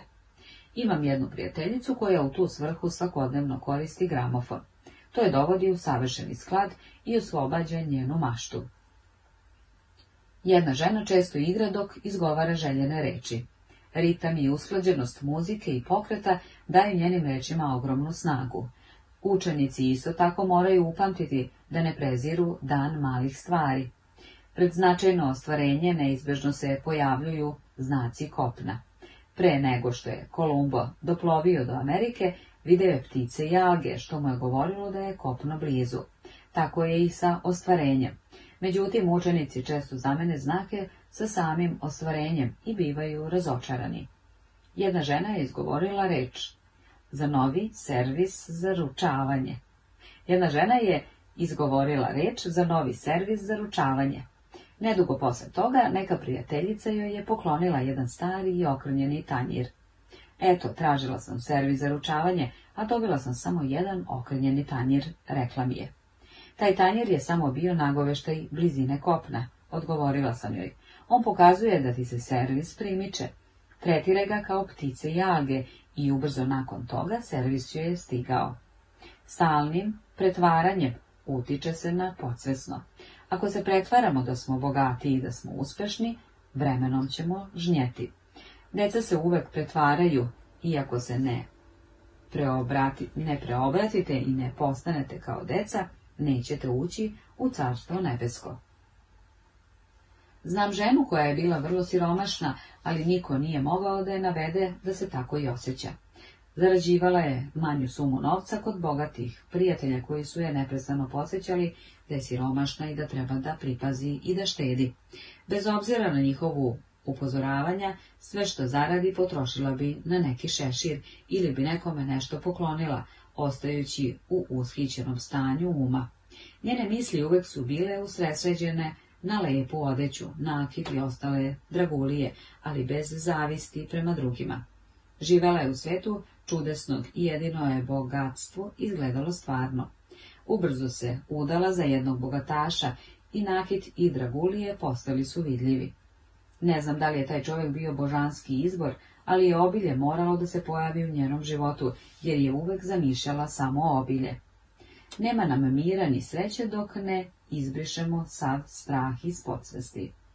Isus Hrist je rekao, zbog čega strepite, o vi maloverni, sve je moguće onome ko veruje. Moji učenici me često pitaju kako da se oslobodim straha. Ja odgovaram, tako što ćeš prići onome čega se bojiš. Tvoj strah čini lava užasnim. Pristupi lavu i on će nestati, beži od njega i on će juriti za tobom.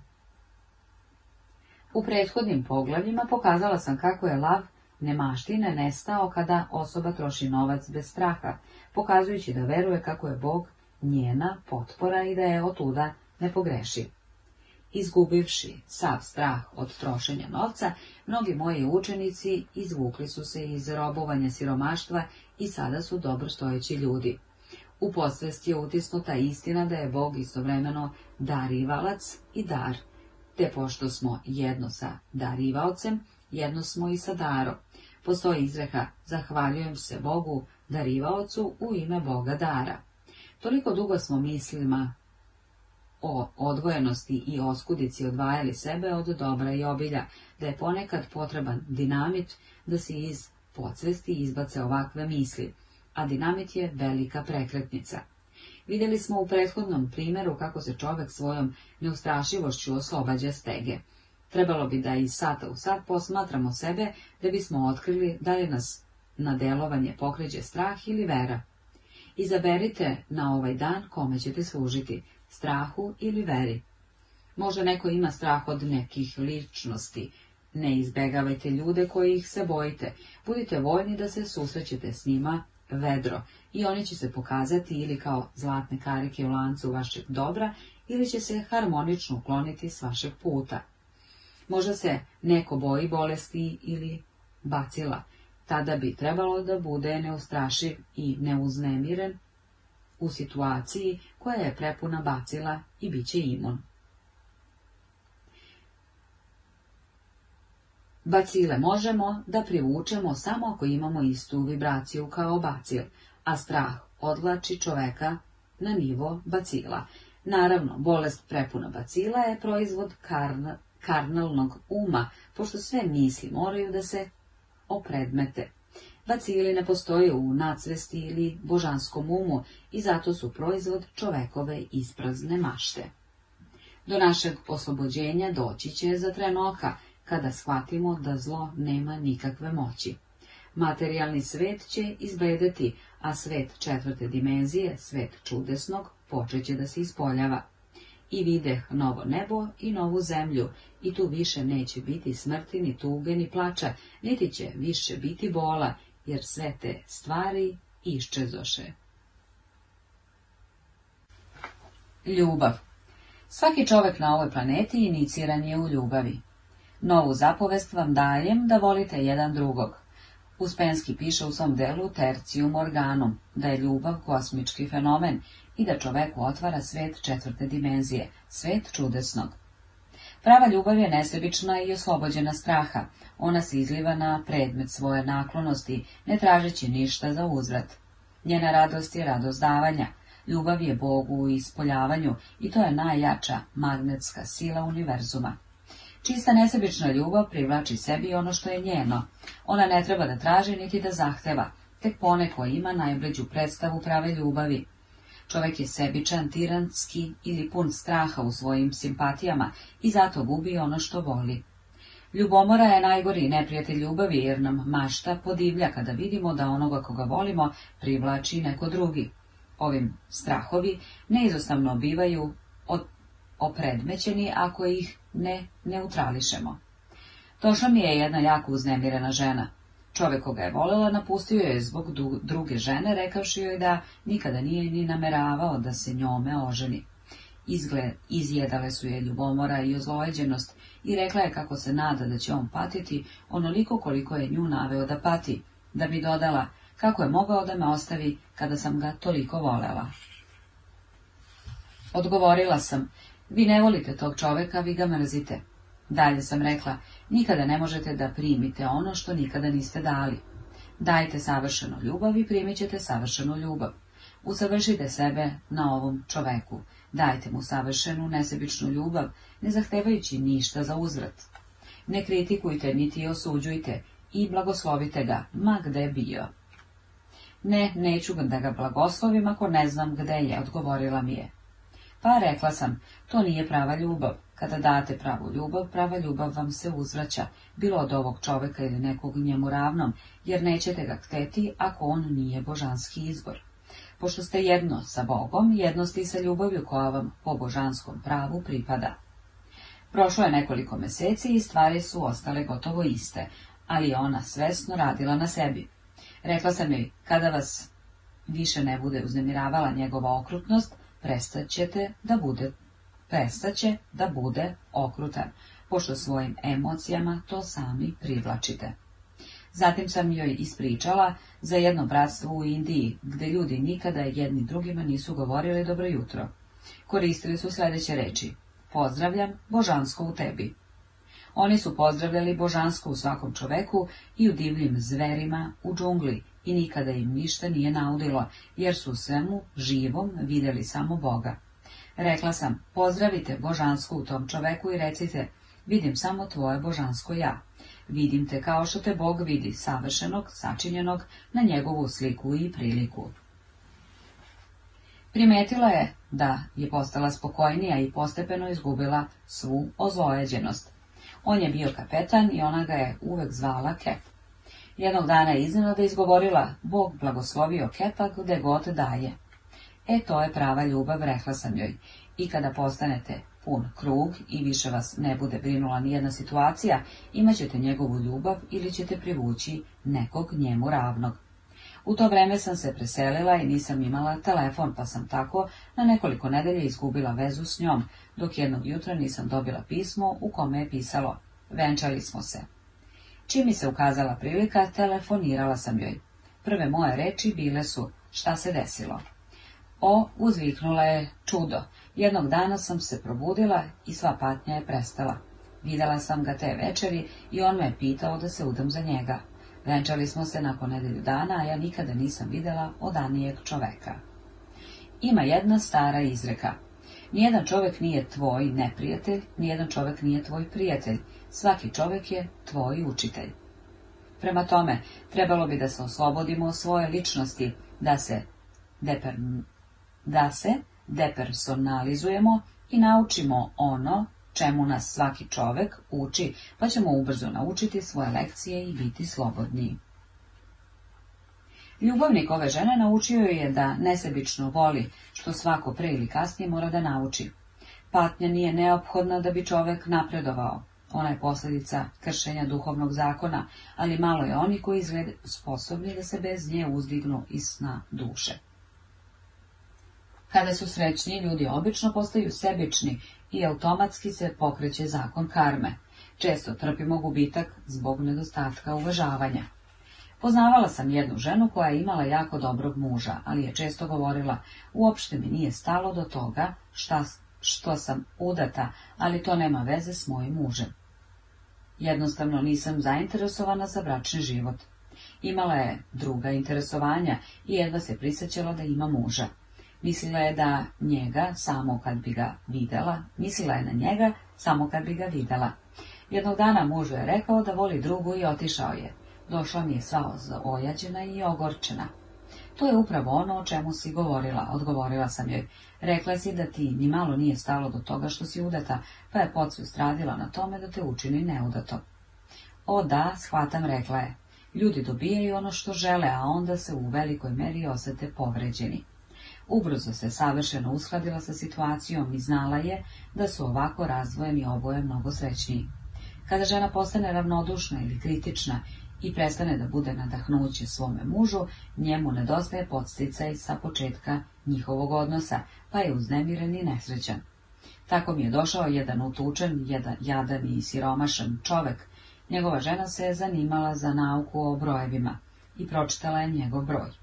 Izgleda da prikaz nije bio naročito povoljan, pošto mi je rekao, moja žena kaže da od mene nikada ništa neće biti jer sam dvojka.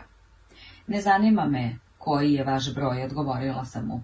Vi ste savršena zamisa u božanskom umu i mi ćemo tražiti uspjeh i blagostanje, koje je beskonačna mudrost već isplanirala za vas. Kroz nekoliko nedelja dobio je solidno zaposlenje, a posle godinu ili dve postigao je uspjeh kao pisac. Nijedan čovjek nije uspješan u poslu ako ne voli ono što radi. Slika koju slikar slika iz ljubavi prema svojoj umetnosti je njegovo najveće delo. Raditi tek toliko da bi se preživelo uvek je nešto što svojim životom treba obesnažiti. Nijedan čovjek ne može sebi da privuče novac ako ga prezire. Mnogi ljudi ostaju siromašni jer kažu, meni novac ništa ne znači i prezirem ljude koji ga imaju. To je razlog što su mnogi umetnici siromašni. Njihov prezir prema novcu razdvaja ih od njega. Čula sam kako jedan slikar kaže za drugog. On je loš slikar, ima gomilu novca u banci. Ovakav stav uma naravno da čoveka odvaja od onoga što mu pripada. On mora da bude u skladu s nekom stvari da bi je privukao. Novac je ispoljenje Boga, kao sloboda od oskudice i nemaštine, ali uvek mora da bude u opticaju i koristi se u ispravne svrhe. Gomilanje i štednja dovode uvek do gubitka. To ne znači da ne treba da imamo kuću i bogatstvo, jer ambari ispravnog čoveka bit će puni. To samo znači da čovek neće zadržavati ni glavnicu. Neće zadržavati ni glavnicu, ako se pojavi prilika da se novac upotrebi. Dajući ga bez straha i radosno, on otvara put za dolazak još veće sume, jer Bog je čovekov nepogrešivi i neiscrpni snabdevač. To je duhovni stav prema novcu, a velika banka univerzalnog nikada nas ne ostavlja na cedilu. Dobar primjer gomilanja možemo vidjeti u filmu Pohlepa. Tu je neka žena dobila 5000 dolara na lutriji, ali nije htjela da ih troši. Gomilala je i štedela, dopuštala da joj muž pati i gladuje, da bi na kraju rivala podove da zaradi nešto za život. Volela je novac sam po sebi i postavila ga je iznad svega ostalog, tako da su je jedne noći ubili i oteli joj novac. To je primjer da je ljubav prema novcu koren sveg zla.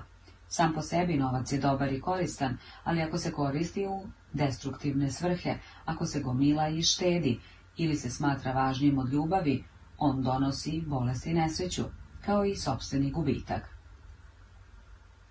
Sledite put ljubavi i sve stvari će se dodavati, jer Bog je ljubav i Bog je potpora sledite put sebičnosti i pohlepe i tada potpora nestaje ili bivate odvojeni od nje. Znam za slučaj jedne vrlo bogate žene koja je gomilala svoj imetak. Redko je nešto davala, ali je za sebe kupovala i kupovala i kupovala silne stvari. Veoma je volela ogrlice i kada ju je neka prijateljica upitala koliko ih ima, odgovorila je 67. Kupovala ih je i čuvala brižljivo umotene u ukrasnu hartiju. Da je koristila te ogrlice, to bi bilo sasvim na svom mestu, ali ona je kršila zakon korišćenja. Ormani su je bili prepuni odeće koju nije nikada nosila i nakita koji nije nikada iznad navidalo. Ruke ove žene postepeno su se paralizovale, jer se čvrsto držala za stvari i na kraju je proglašena nesposobnom da vodi svoje poslove, a njeno bogatstvo dato drugima da njime upravljaju. Tako čovek, ne poznajući zakon, dovodi do sobstvenog uništenja. Sva bolest, sva nesreća potiču od narušavanja zakona ljubavi. Čovekovi bumeranzi, mržnje, ozlojeđenosti i kritikovanja vraćaju se opterećeni bolešću i tugom. Ljubav gotovo da izgleda kao neka izgubljena veština, ali onaj ko poznaje duhovni zakon zna da se ona mora ponovo zadobiti, jer bez nje čovek postaje kao prazan zvuk trube i zveket cimbala. Imala sam jednu učenicu koja mi je iz meseca u mesec dolazila da očisti svest od ozlojeđenosti. Posle nekog vremena dospjela je do tačke na kojoj je bila ozlojeđena samo na jednu ženu, ali je ta žena primorala da i dalje radi na sebi. Malo po malo postala je uravnotežena i usklađena i jednog dana je sva ozlojeđenost izbrisana. Došla je sva blistajuća i, i uskliknula. Došla je sva blistajući i uskliknula. Ne možete da shvatite kako se osjećam. Ona žena mi je nešto rekla i umjesto da se razbesnim, ja sam bila puna ljubavi i pažnje, a ona mi se izvinula i bila savršeno ljubazna prema meni. Niko ne može da shvati ovu čudesnu lakoću koju osjećam u sebi.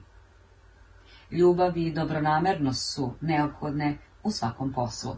Jedna žena mi se žalila na svoju poslodavku, rekla je da je ta žena hladna i kritična i znala je da ne želi da ona radi na tom mestu.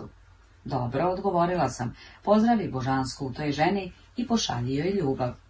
Ne mogu, rekla je, ona je žena od mermera. Odgovorila sam, sećaš li se priče o vajaru koji je tražio određeni komad mermera? Kada su ga pitali zašto mu treba, odgovorio je, zato što u mermeru postoji jedan anđeo i od njega je stvorio izvanredno umetničko delo. Ljudi su ponekad ispunjeni žaljenjem, što su prema nekome bili neljubazni, čak ako je to bilo i previše godina. Ako se greška ne može ispraviti, njene posljedice mogu da se ponište, ako smo u sadašnjem trenutku ljubazni prema nekome. Ovo sada činim, zahvalju, zaboravljajući na ono što je iza mene i posežući ka onom što je ispred mene. Tuga, žaljenje i kajanje uništavaju ćelije u našem telu i truju atmosferu koja nas okružuje. Jedna žena koja je bila duboko tužna rekla mi je, naučite me da budem srećna i radosna, jer me moja tuga čini tako nepodnošljivom prema članovima porodice, tako da stvaram sve više i više loše karme. Zamolili su me da pomognem ženi koja je bila u žalosti za svojom čjerkom. Nisam priznavala nikakvo verovanje u gubitak i odvojenost i potvrdila sam da je Bog radost, ljubav i mirove žene. Žena je odjednom stekla spokojstvo, ali je po sinu poručila da više ne pomažem, jer je bila toliko srećna da to naprosto nije pristojno.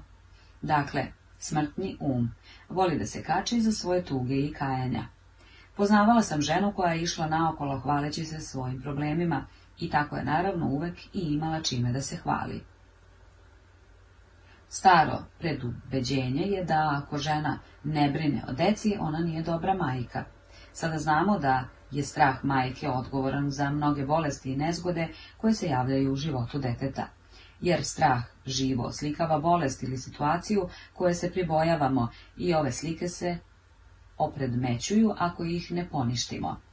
Srećna je ona majka koja iskreno može reći da svoje dete polaže u Božje ruke i stoga zna da je ono božanski zaštićeno. Jedna žena se naglo usred noći probudila osjećajući da joj je brat u velikoj opasnosti. Umesto da se prepusti strahu, počela je da izgovara iskaze istine. Čovek je savršena zamisao u božanskom umu i uvek je na pravom mestu, prema tome, moj brat je na pravom mestu i božanski je zaštićen. Narednog dana saznala je da joj je brat bio vrlo blizu neke eksplozije, ali se nekim čudom na vreme sklonio.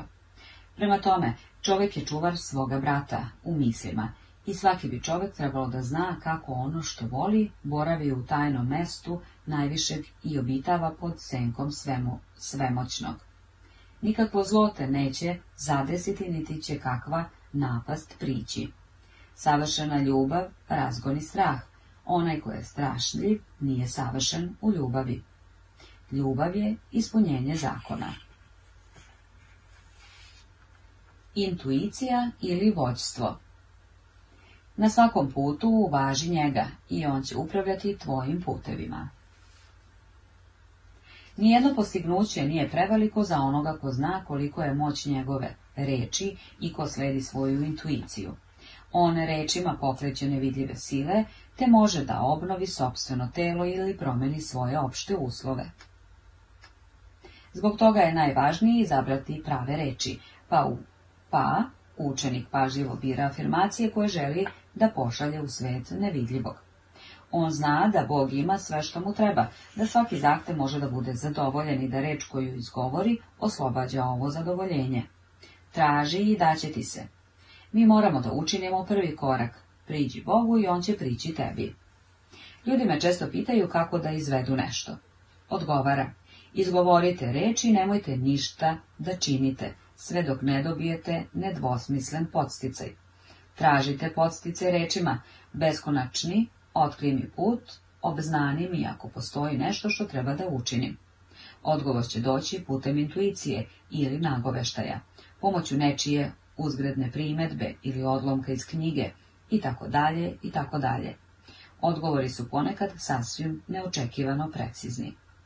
Davanje otvara put ka primanju.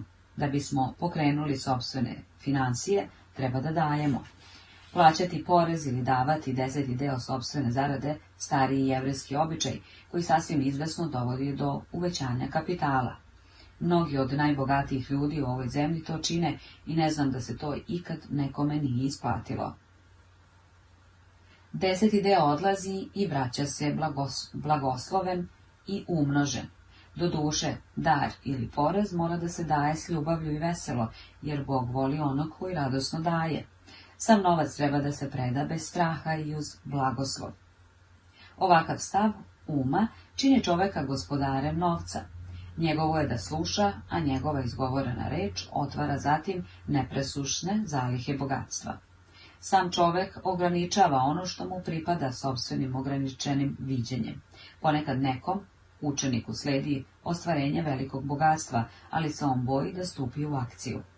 Viđenje i delovanje moraju da se obavljaju uporedo, kao u slučaju čoveka koji je kupio skupoceni kaput. Jedna žena je došla kod mene da me zamoli da izgovorim reč za njen bolji položaj na poslu. I tako sam zamolila, beskonačni, otvori put da ova žena dobije svoj pravi položaj. Nikada nemojte da tražite samo položaj, zatražite pravi položaj mesto koje je već isplanirano božanskom umu, jer je to jedino što će vas zadovoljiti. Zatim sam se zahvalila kao da je već dobila taj položaj i da će se to ubrzo pokazati. Tako i bilo. Ponuđena su je tri radna mesta, dva u Njujorku, a jedno u Palm Beachu, pa nije znala koje da odabere. Zatraži nedvosmisleni znak, rekla sam joj. Vreme za odluku je gotovo isteklo, a ona i dalje nije mogla da odluči, da bi jednog dana telefonirala i rekla, kada sam se jutros probudila, mogla sam da osjetim miris Palm Beacha. Bila je tamo i ranije i znala je kakvim blagotvornim mirisom odiše taj grad. Ako odavde možeš da osjetiš miris Palm Beacha, to je sasvim izvesno tvoj znak, odgovorila sam joj. Prihvatila je posao i to se pokazalo kao veliki uspjeh. Često nam znaci dolaze u neočekivano vrijeme. Jednog dana sam hodala ulicom kad sam na jednom osjetila snažnu potrebu da odem u pekaru koja je bila dve, tri ulice dalje. Razume se, razum se opirao, obrazlažući, tamo nema ničega što bi ti bilo potrebno. Ipak naučila sam da ne sledim razum, pa sam otišla u pekaru, razgledala sve što je tamo bilo i zaista nije bilo ničega što sam htjela. Međutim, na izlasku sam srela ženu na koju sam često mislila i koja je bila neophodna pomoć koju sam mogla da joj pružim. Često nam se dešava da pođemo za jednom stvari, a otkrijemo neku drugu. Intuicija je sama po sebi neobjašnjiva, ona nam samo pokazuje put. Znak se često ukazuje za vreme tretmana, Ideja koja nam se javi može nam se učiniti krajnje nevažnom, ali ponekad su Božji nalozi tajanstveni. Jednog dana sam na kursu radila tretman da svako dobije neki nedvosmisleni znak. Nakon toga mi je prišla jedna žena koja je rekla, dok ste obavljali tretman, dobila sam posticaj da uzmem nameštaj iz podruma i iznajmim stan. Ta žena je došla radi tretmana za zdravlje. Rekla sam joj da znam da će joj se zdravlje popraviti ako bude imala sobstveni dom. I dodala sam, verujem da tvoja muka, visok pritisak potiče od toga što si stvari sklonila u podrum. Nagomilavanje stvari uzrok je nagomilavanju u telu. Prekršila si zakon korišćenja i tvoje telo plaća kaznu za to. Zato sam se zahvalila što je božanski red uspostavljen u njenom umu, telu i poslovima. Ljudi ne, ni ne sanjaju koliko ono što rade utiče na telo. Svaka bolest ima svoj mentalni uzrok. Moguće je da se odjednom izlečimo, spoznajući da je naše telo savršena zamisla božanskog uma i da je prema tome zdravo i savršeno, ali ako nastavimo destruktivno da mislimo, da pravimo tajne zalihe, da mrzimo, strahujemo, osuđujemo, bolest će se ponovo vratiti. Isus je znao da sve bolesti potiču od greha, pa je posle izlečenja opomenuo leproznog da ide i više ne greši, da ga ne bi zadesilo nešto još gore. Radi rajnog izračenja čovekova duša ili podsvesni um mora da postane belja od snega. Metafizičar uvek mora da zađe vrlo duboko da bi našao odgovarajući mentalni uzrok. Isus je rekao, ne prekorevaj da i sam ne budeš prekoren, ne osuđuj da ti se ne bi sudilo. Mnogi su prekorevanjem drugih na sebe navukli bolest i nesreću. Ono što osuđujemo kod drugih privlačimo sami na sebi. Došla mi je jedna prijateljica, sva besna i uznemirena jer ju je muž napustio zbog druge žene. Prekorevala je tu drugu ženu, neprekidno govoreći. Znala je da je on oženjen čovek i nije imala pravo da prihvati njegovo udvaranje. Prestani da prekorevaš tu ženu, rekla sam joj. Blagoslovi je i završi s tom situacijom, inače će što isto privući sebi. Oglušila se o moje reči i kroz godinu dve sama se duboko zainteresovala za jednog oženjenog čoveka. Čovek uzima u ruke neizolovanu žicu uvek kada nekoga kritikuje ili prekoreva i tada može da očekuje šok. Neodlučnost je kamen spoticanja na mnogim putevima. Da biste je prevazišli, ponavljajte izjavu. Uvek imam neposredno nadahnuće i brzo donosim ispravne odluke. Ove reči utiču na podsvest i uskoro otkrivamo da smo budni i oprezni, kao i da bez oklevanja činimo prave stvari. Nalazim da je destruktivno obraćati se psihičkoj ravni za vojstvo, jer je to ravan mnogih umova, a ne jednog uma. Kada otvorimo um za subjektivnost, postajemo meta sila uništenja. Psihička ravanje je proizvod čovekovih smrtnih misli i na nivou je suprotnosti. Možemo da primimo bilo dobre ili loše poruke. Nauka o brojevima i tumačenje horoskopa održavaju čoveka na nižem mentalnom ili smrtnom nivou, jer se bave jedino karmičkim putem. Znam čoveka koji je prema horoskopu odavno trebalo da bude mrtav, a živje i u ovoj zemlji vodi jedan od najvećih pokreta za uzlizanje čovečanstva. Potrebno je da imamo veoma jak um da bismo mogli da poništimo zla proročanstva. Učenik treba da izjavi, svako lažno proročanstvo nestaće. Svaki plan koji nije isplanirao moj otac na nebu rasturiće se i nestati, a božanska primisao sada biva odobrena.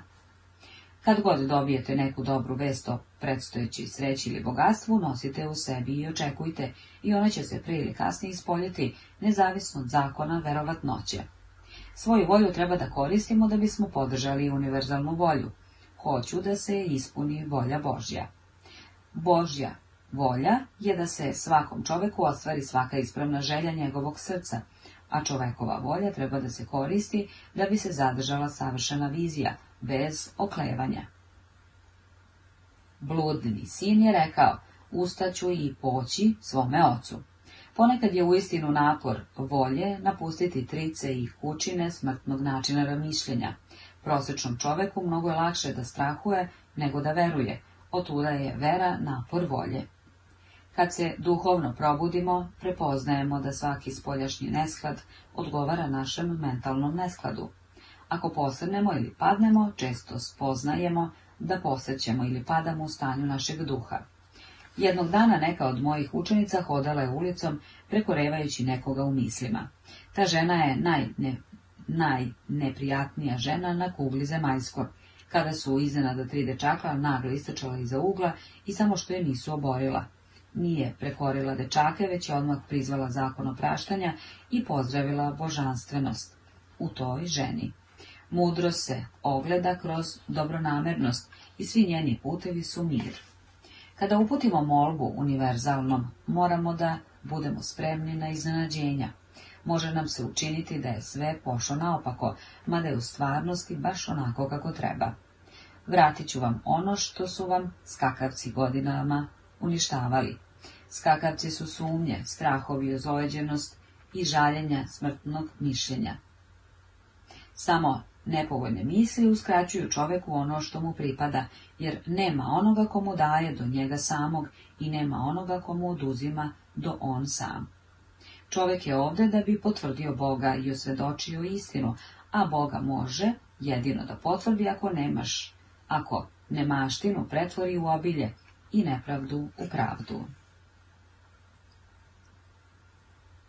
Savršeno samo ostvarenje ili božanski plan nema vetra koju mu moju barku može da skrene s puta, niti da promeni plimu sudbine.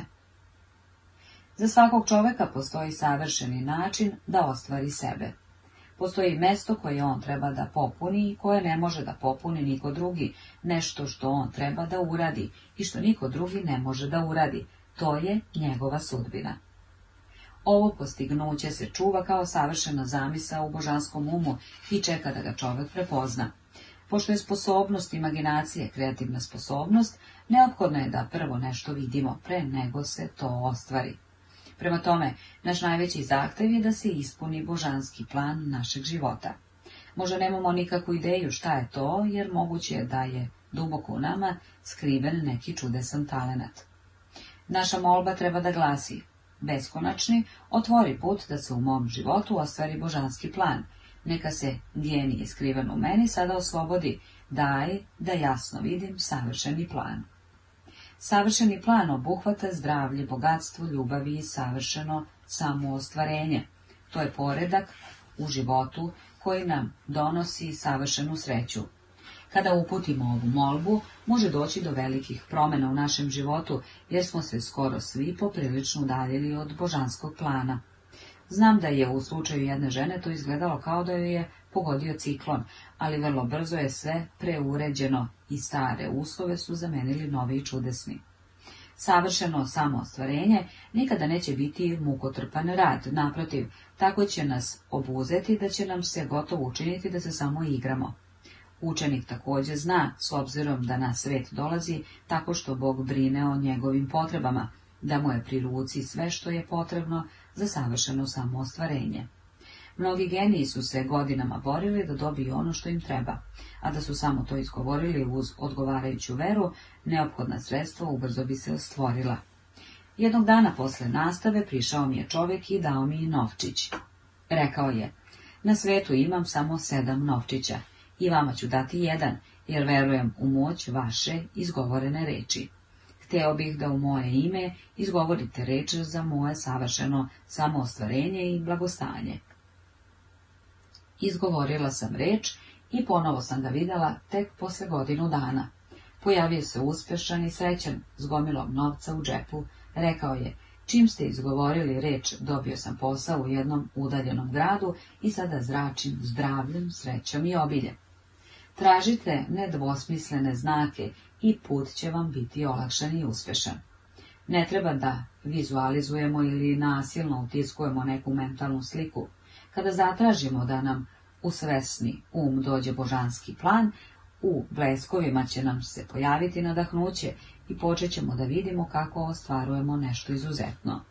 To je slika ili zamisao koje moramo bez oklevanja da se držimo. Ono što tražimo, traži nas same. Telefon je tražio Bela, svog pronalazača. Roditelji nikada ne bi trebalo da prisiljavaju svoju decu na uspeh, niti da im nameću izbor zanimanja. Uz znanje duhovne istine u ranom detinstvu ili čak i prerođenja mogu da izgovore zahtev za ostvarenje božanskog plana. Prerođenja bi trebalo reći, neka se Bog u ovom detetu savršeno ostvari. Neka se božanski plan njegovog uma, tela i poslova ostvari u njegovom životu, kroz večnost. Neka bude volja Božja, a ne ljudska. Božji plan, a ne ljudski. To je zapovest koja se provlači kroz sve svete spise, a Biblija je, Biblija je knjiga koja se bavi naukom uma, koja nam govori kako da dušu ili podsvesni um oslobodimo iz ropstva. Bitke koje su u njoj opisane su slike čoveka koji vodi rat protiv smrtnih misli. Čovekovi neprijatelji potiču iz njegovog sobstvenog domaćinstva. Svaki čovek je Jehosafat i svaki čovek je David, koji ubija Golijata, smrtnu misao, malim belim kamičkom, verom. Zato čovek treba da pazi da ne bude pokvareni i lenji sluga, koji je pokopao svoje talente. Ako ne iskoristimo svoje sposobnosti, plaćamo tešku kaznu. Često se između nas i našeg savršenog samoostvarenja ispreči strah. Treba je trema je sprečila mnoge genijalne ljude da se ostvare. To je moguće prevazići ako se izgovori reč ili obavi tretman. Tada gubimo svaku samosvest i naprosto osjećamo da smo kanal kroz koji se ispoljava beskonačna mudrost. Mi postajemo neposredno nadahnuti, neustrašivi i sigurni, jer osjećamo da otac u nama obavlja sav posao. Često je na moje časove dolazio jedan dečak sa svojom majkom. Zamolio me je da izgovorim reč za njegov predstojeći ispit u školi. Posavetovala sam mu da uputi sljedeću izjavu. Ja sam jedno sa beskonačnom mudrosti. Znam sve što treba da znam o ovom predmetu. Izvrsno je znao i istoriju, ali nije bio siguran u matematici. Kada sam ga ponovo videla, rekao mi je, izgovorio sam reči za matematiku i odlično sam prošao, ali mislio sam da mogu da se oslonim na samog sebe, u istoriji dobio sam jedva dovoljnu ocenu. Često doživljavamo neko osvjećenje kada smo previše sigurni u sebe, što znači da verujemo svoje ličnosti, a ne ocu u nama. Učenik mora stvoriti naviku da svakog minuta praktikuje prisustvo Boga. U svemu što radiš, uvaži ga. Ponekad neki beznačajan događaj može da bude prekretnica u našem životu. Robert Fulton je, posmatrajući kako para izlazi iz čajnika sa ključalom vodom, video pro parobrod. Često sam primetila kako neko od učenika sprečava ostvarenje, pružajući otpor ili birajući put. On se uzda samo u jedan kanal, kako bi do ostvarenja došlo onako kako on to želi, što stvari dovodi do zastoja.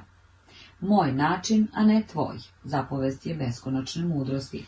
Kao i svaka sila, bila to para ili elektricitet, ona mora da ima motor ili instrument koji je bez otpora da bi preko njega delovala i upravo je čovjek taj motor ili instrument. Stalno iznova čovjeku se kaže da se umiri, o judo, ne plaši se, već im se sutra usprotivi, jer gospod će biti s tobom. Nećeš morati sam da vodiš tu bitku, pripremi se i umiri, i spasenje gospodnje bit će s tobom. To smo vidjeli u slučaju žene koja je osvojila ljubav čoveka koga voli, kada je sva patnja prestala, kada je prestala da pruža otpor i postala mirna. Cilj učenika je staloženost. Staloženost je snaga, jer ona, Božjoj snazi, pruža priliku da se silovito ispolji kroz čoveka, tako da on reši i uradi na njegovo zadovoljstvo. Staložen, on jasno razmišlja i brzo donosi ispravne odluke, nikada ne propušta priliku. Gnev nam pomračuje viđenje, zagađuje krv, korenje mnogih bolesti i uzrok pogrešnih odluka koje vode u neuspeh. On je prozvan jednim od najgorih grehova, jer su njegove posljedice toliko štetne. Učenici nauke da u metafizici greh ima mnogo šire značenje nego u starim učenjima. Sve što je bez vere je greh. Otkrivamo da su strah i zabrinutost smrtni gresi. Oni predstavljaju izopačenu veru i preko iskrivljenih mentalnih slika prouzrokuju upravo one stvari od kojih strahujemo. Rad učenika se zastoji u tome da istera ove neprijatelje iz podsvesnog uma. Kada je čovek neustrašiv, on je savršen. Mater kaže, čovek je uplašeni bog. Dakle, kao što smo u prethodnim poglavljima pročitali, strah možemo da iskorenimo samo ako pristupimo onome od čega se bojimo. Kada su jehosaf i njegova vojska bili spremni da se suoče sa neprijateljem, pevajući hvala gospodu jer je njegova milost večna, otkrili su da su njihovi neprijatelji uništili jedne druge i da nemaju s kim da se bore. Učenik često odlaže svoje ostvarenje verovanjem u nepotpunost. Trebalo bi da izjavi sljedeće. U božanskom umu postoji jedino potpunost, otuda je moje ostvarenje potpuno moj savršeni posao, moj savršeni dom, moje savršeno zdravlje. Sve što zatraži su savršene ideje, zapisane u božanskom umu i moraju da se ostvare uz milost na savršeni način. On se na nevidljivom planu zahvaljuje što je to već dobio i aktivno se priprema da na vidljivom planu to i primi. Jednoj od mojih učenica bilo je potrebno finansijsko ostvarenje. Prišla mi je sa pitanjem zašto se to još uvek nije ispunilo. Odgovorila sam joj, može si navikla da stvari ostavljaš nedovršene, pa je podsvest stekla naviku da ništa ne dovrši. Kako je spolja, tako je iznutra. U pravu ste, rekla je, često nešto započnem i onda to nikada ne dovršim. Idem kući da završim neke stvari koje sam započela pre nekoliko nedelja i znam da će to biti od uticaja na ono što očekujem. Prilježno je šila i uskoro je završila započetu stvar. Ubrzo posle toga i novac joj je pristigao na najčudnovatiji mogući način. Tog meseca je njen muž dva puta dobio platu. On je rekao predpostavljenima da su pogrešili, ali oni mu su mu odgovorili da zadrži novac. Kada čovek zatraži, verujući, on mora i da primi, jer Bog stvara sobstvene kanale. Ponekad me pitaju, Pretpostavimo da neko ima nekoliko talenata, kako da zna koji da izabere. Zahtevajte da vam se nedvosmisleno pokaže, recite beskonačni, daj mi nedvosmisleni znak, otkri način za moje savršeno samoostvarenje, pokaži mi koji od talenata treba sada da upotrebim. Znam da su ljudi iznenada kretali u sasvim novi posao ili bili potpuno sposobni da ga obavljaju uz sasvim malu ili nikakvu obuku. Zato objavite, savršeno sam obučen za božanski plan mog života i hrabro koristite sve prilike. Neki ljudi rado daju, ali nerado primaju. Odbijaju darove zbog ponosa ili nekog negativnog razloga i time blokiraju svoje kanale, a neizostavno im ostane vrlo malo ili ništa. Jednoj ženi koja je poklonila veliku svotu novca, ponudili su dar od nekoliko hiljada dolara. Ona je odbila da ga primi, rekavši da joj novac ne treba. Ubrzo posle toga njena finansijska sredstva su blokirana i ona se našla u dugu baš za onoliku sumu koja joj je bila ponuđena. Čovjek treba blagodarno da prihvati hleb koji mu se za vodu uzvrati. Dragovoljno si dao, dragovoljno ćeš i primiti. Uvek postoji savršena ravnoteža između davanja i primanja ima da treba da dajemo, ne razmišljajući o uzvraćanju, kršimo zakon ako ne prihvatimo ono što nam se uzvrati, jer svi darovi su od Boga, a čovjek je samo posrednik.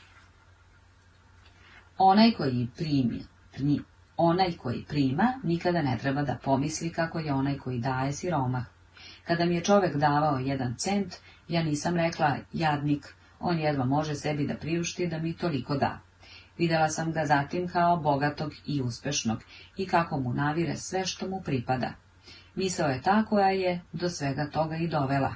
Ako je neko loš primalac, mora da postane dobar, tako da primi čak i poštansku marku, ako mu je poklonjena, da potpuno otvori svoje kanale za primanje. Gospod voli onoga koji rado prima, kao i onoga koji rado daje. Često su me pitali zašto se neko rađa bogat i zdrav, a neko siromašan i bolestan. Kad god postoji neka posljedica, tu ima i uzroka, nema slučajnosti. Na ovo pitanje odgovara zakon reinkarnacije. Čovjek prolazi kroz mnoga rođenja i smrti, sve dok ne spozna istinu koja ga oslobađa. On biva ponovo privučen na zemaljski nivo posredstvom želje koja mu nije zadovoljena da bi platio svoje karmičke dugove ili ispunio svoju sudbinu. Onaj ko se je rodio bogat i zdrav u svom prošlom životu je u podsvesnom umu imao sliku bogatstva i zdravlja, a onaj ko je siromašan i bolestan imao je sliku bolesti i siromaštva. Čovjek na svakom nivou ispoljava ukupan zbir svojih podsvesnih verovanja. Doduše, rođenje i smrt su zakoni koje je stvorio čovjek, jer plata za greh je smrt a da Adamov pad u svesnu misao nastao je usled verovanja u dve moći. Pravi čovek, duhovan čovek je izvan rođenja i izvan smrti. On nije nikada rođen i nikada ne umire. Kao što beše na početku, on je sada i uvek će biti. Putem istine čovjek biva oslobođen zakona karme, greha i smrti i ostvaruje se načinjen na njegovu sliku i priliku. Sloboda nam dolazi ispunjavanjem naše sudbine i ostvarenjem božanskog plana za naš život. Gospod će nam reći, valjano si to uradio, dobri i verni slugo, i jer si bio veran u nekoliko stvari, učinit ću te vladarem mnogih i same smrti. Uđi u radost tvog gospoda večni život. Poricanja i afirmacije ti ćeš to naložiti i to će se uspostaviti na tvoju zapoved. Svekoliko dobro koje treba da se pokaže u našem životu u božanskom umu je već ostvarena činjenica i oslobađa se putem našeg uvažavanja ili izgovorene reči. Zato moramo da pripazimo i zapovedimo da se ostvari samo božanska primisao, jer često svojim nemarnim rečima možemo prizvati neuspeh i nesreću. Zbog toga je izuzetno važno da svoj zahtev ispravno prenesemo u reči, kao što je objašnjeno u prethodnom poglavlju. Ako neko želi dom, prijatelja, određeni posao ili bilo koju drugu dobru stvar, neka uputi zahtev za božanskim izborom. Na primjer, beskonačni otvori put za moj pravi dom, mog pravog prijatelja, moj pravi posao. Zahvaljujem što se milošću to na savršeni način sada ostvaruje. Ovaj drugi deo izjave je najvažniji. Poznavala sam jednu ženu koja je tražila hiljadu dolara. Čerka je nakon toga bila povređena, pa su dobile hiljadu dolara na ime od, odšete, ali taj novac nije došao na savršeni način. Trebalo je da zahtev sroči ovako. Beskonačni, zahvaljujem se što je hiljadu dolara koji mi pripadaju po božanskom pravu sada pušteno u opticaj i uz milost dospeva do mene na savršeni način. Kada razvijemo finansijsku svijest, treba da zahtevamo da nam velike svote novca koje nam po božanskom pravu pripadaju, uz milost dođu na savršeni način. Nemoguće je da čovek oslobodi više nego što mu misli da je moguće, jer je sputan ograničenim očekivanjima podsvesnog. On mora da proširi svoja očekivanja da bi mogao da primi više. Vrlo često sebe ograničavamo u onome što tražimo. Jedan učenik zatražio je da do određenog datuma dobije 600 dolara. On ih je i dobio, ali je kasnije čuo da je umalo dobio hiljadu dolara, a dobio je samo toliko kao posljedicu svoje izgovorene reči. Oni ograničiše svetog oca Izraelskog. Bogatstvo je stvar svesti. Francuzi imaju jednu pripovest koja ovo ilustruje.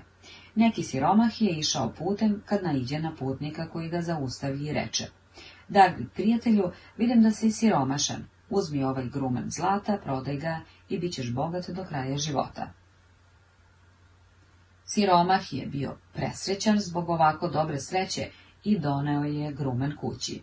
Odmah je našao posao i postao toliko uspešan da nije prodao grumen zlata. Prošle su godine i postao je veoma bogat. Jednog dana je na putu sreo nekog siromaha, zaustavio ga je i rekao mu. Dragi prijatelju, daću ti ovaj grumen zlata i ako ga prodaš, postaćeš bogat do kraja života. Prosek je uzeo grumen, odneo ga na procenu i otkrio da je to samo mesing. I tako vidimo kako se prvi čovek obogati osjećajući se bogatim, smatrajući da je dobio zlato.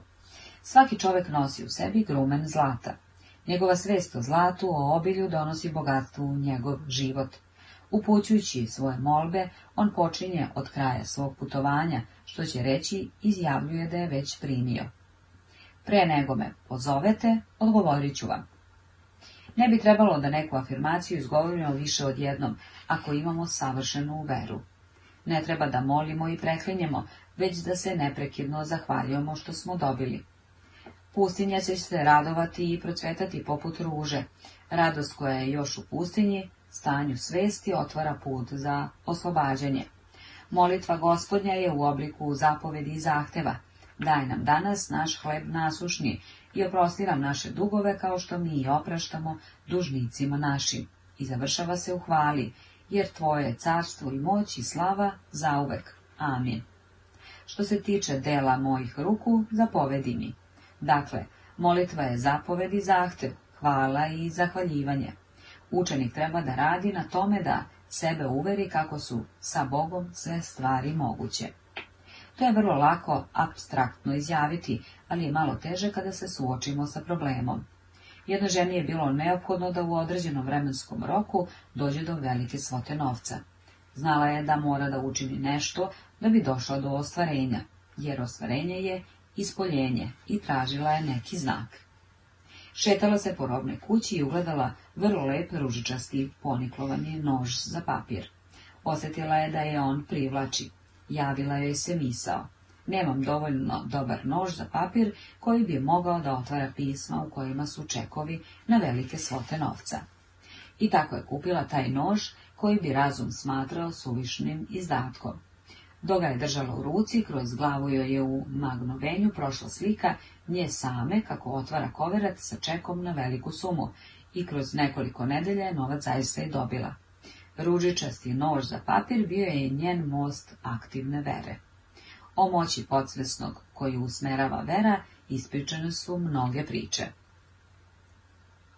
Jedan čovjek proveo je noć na nekom seoskom imanju.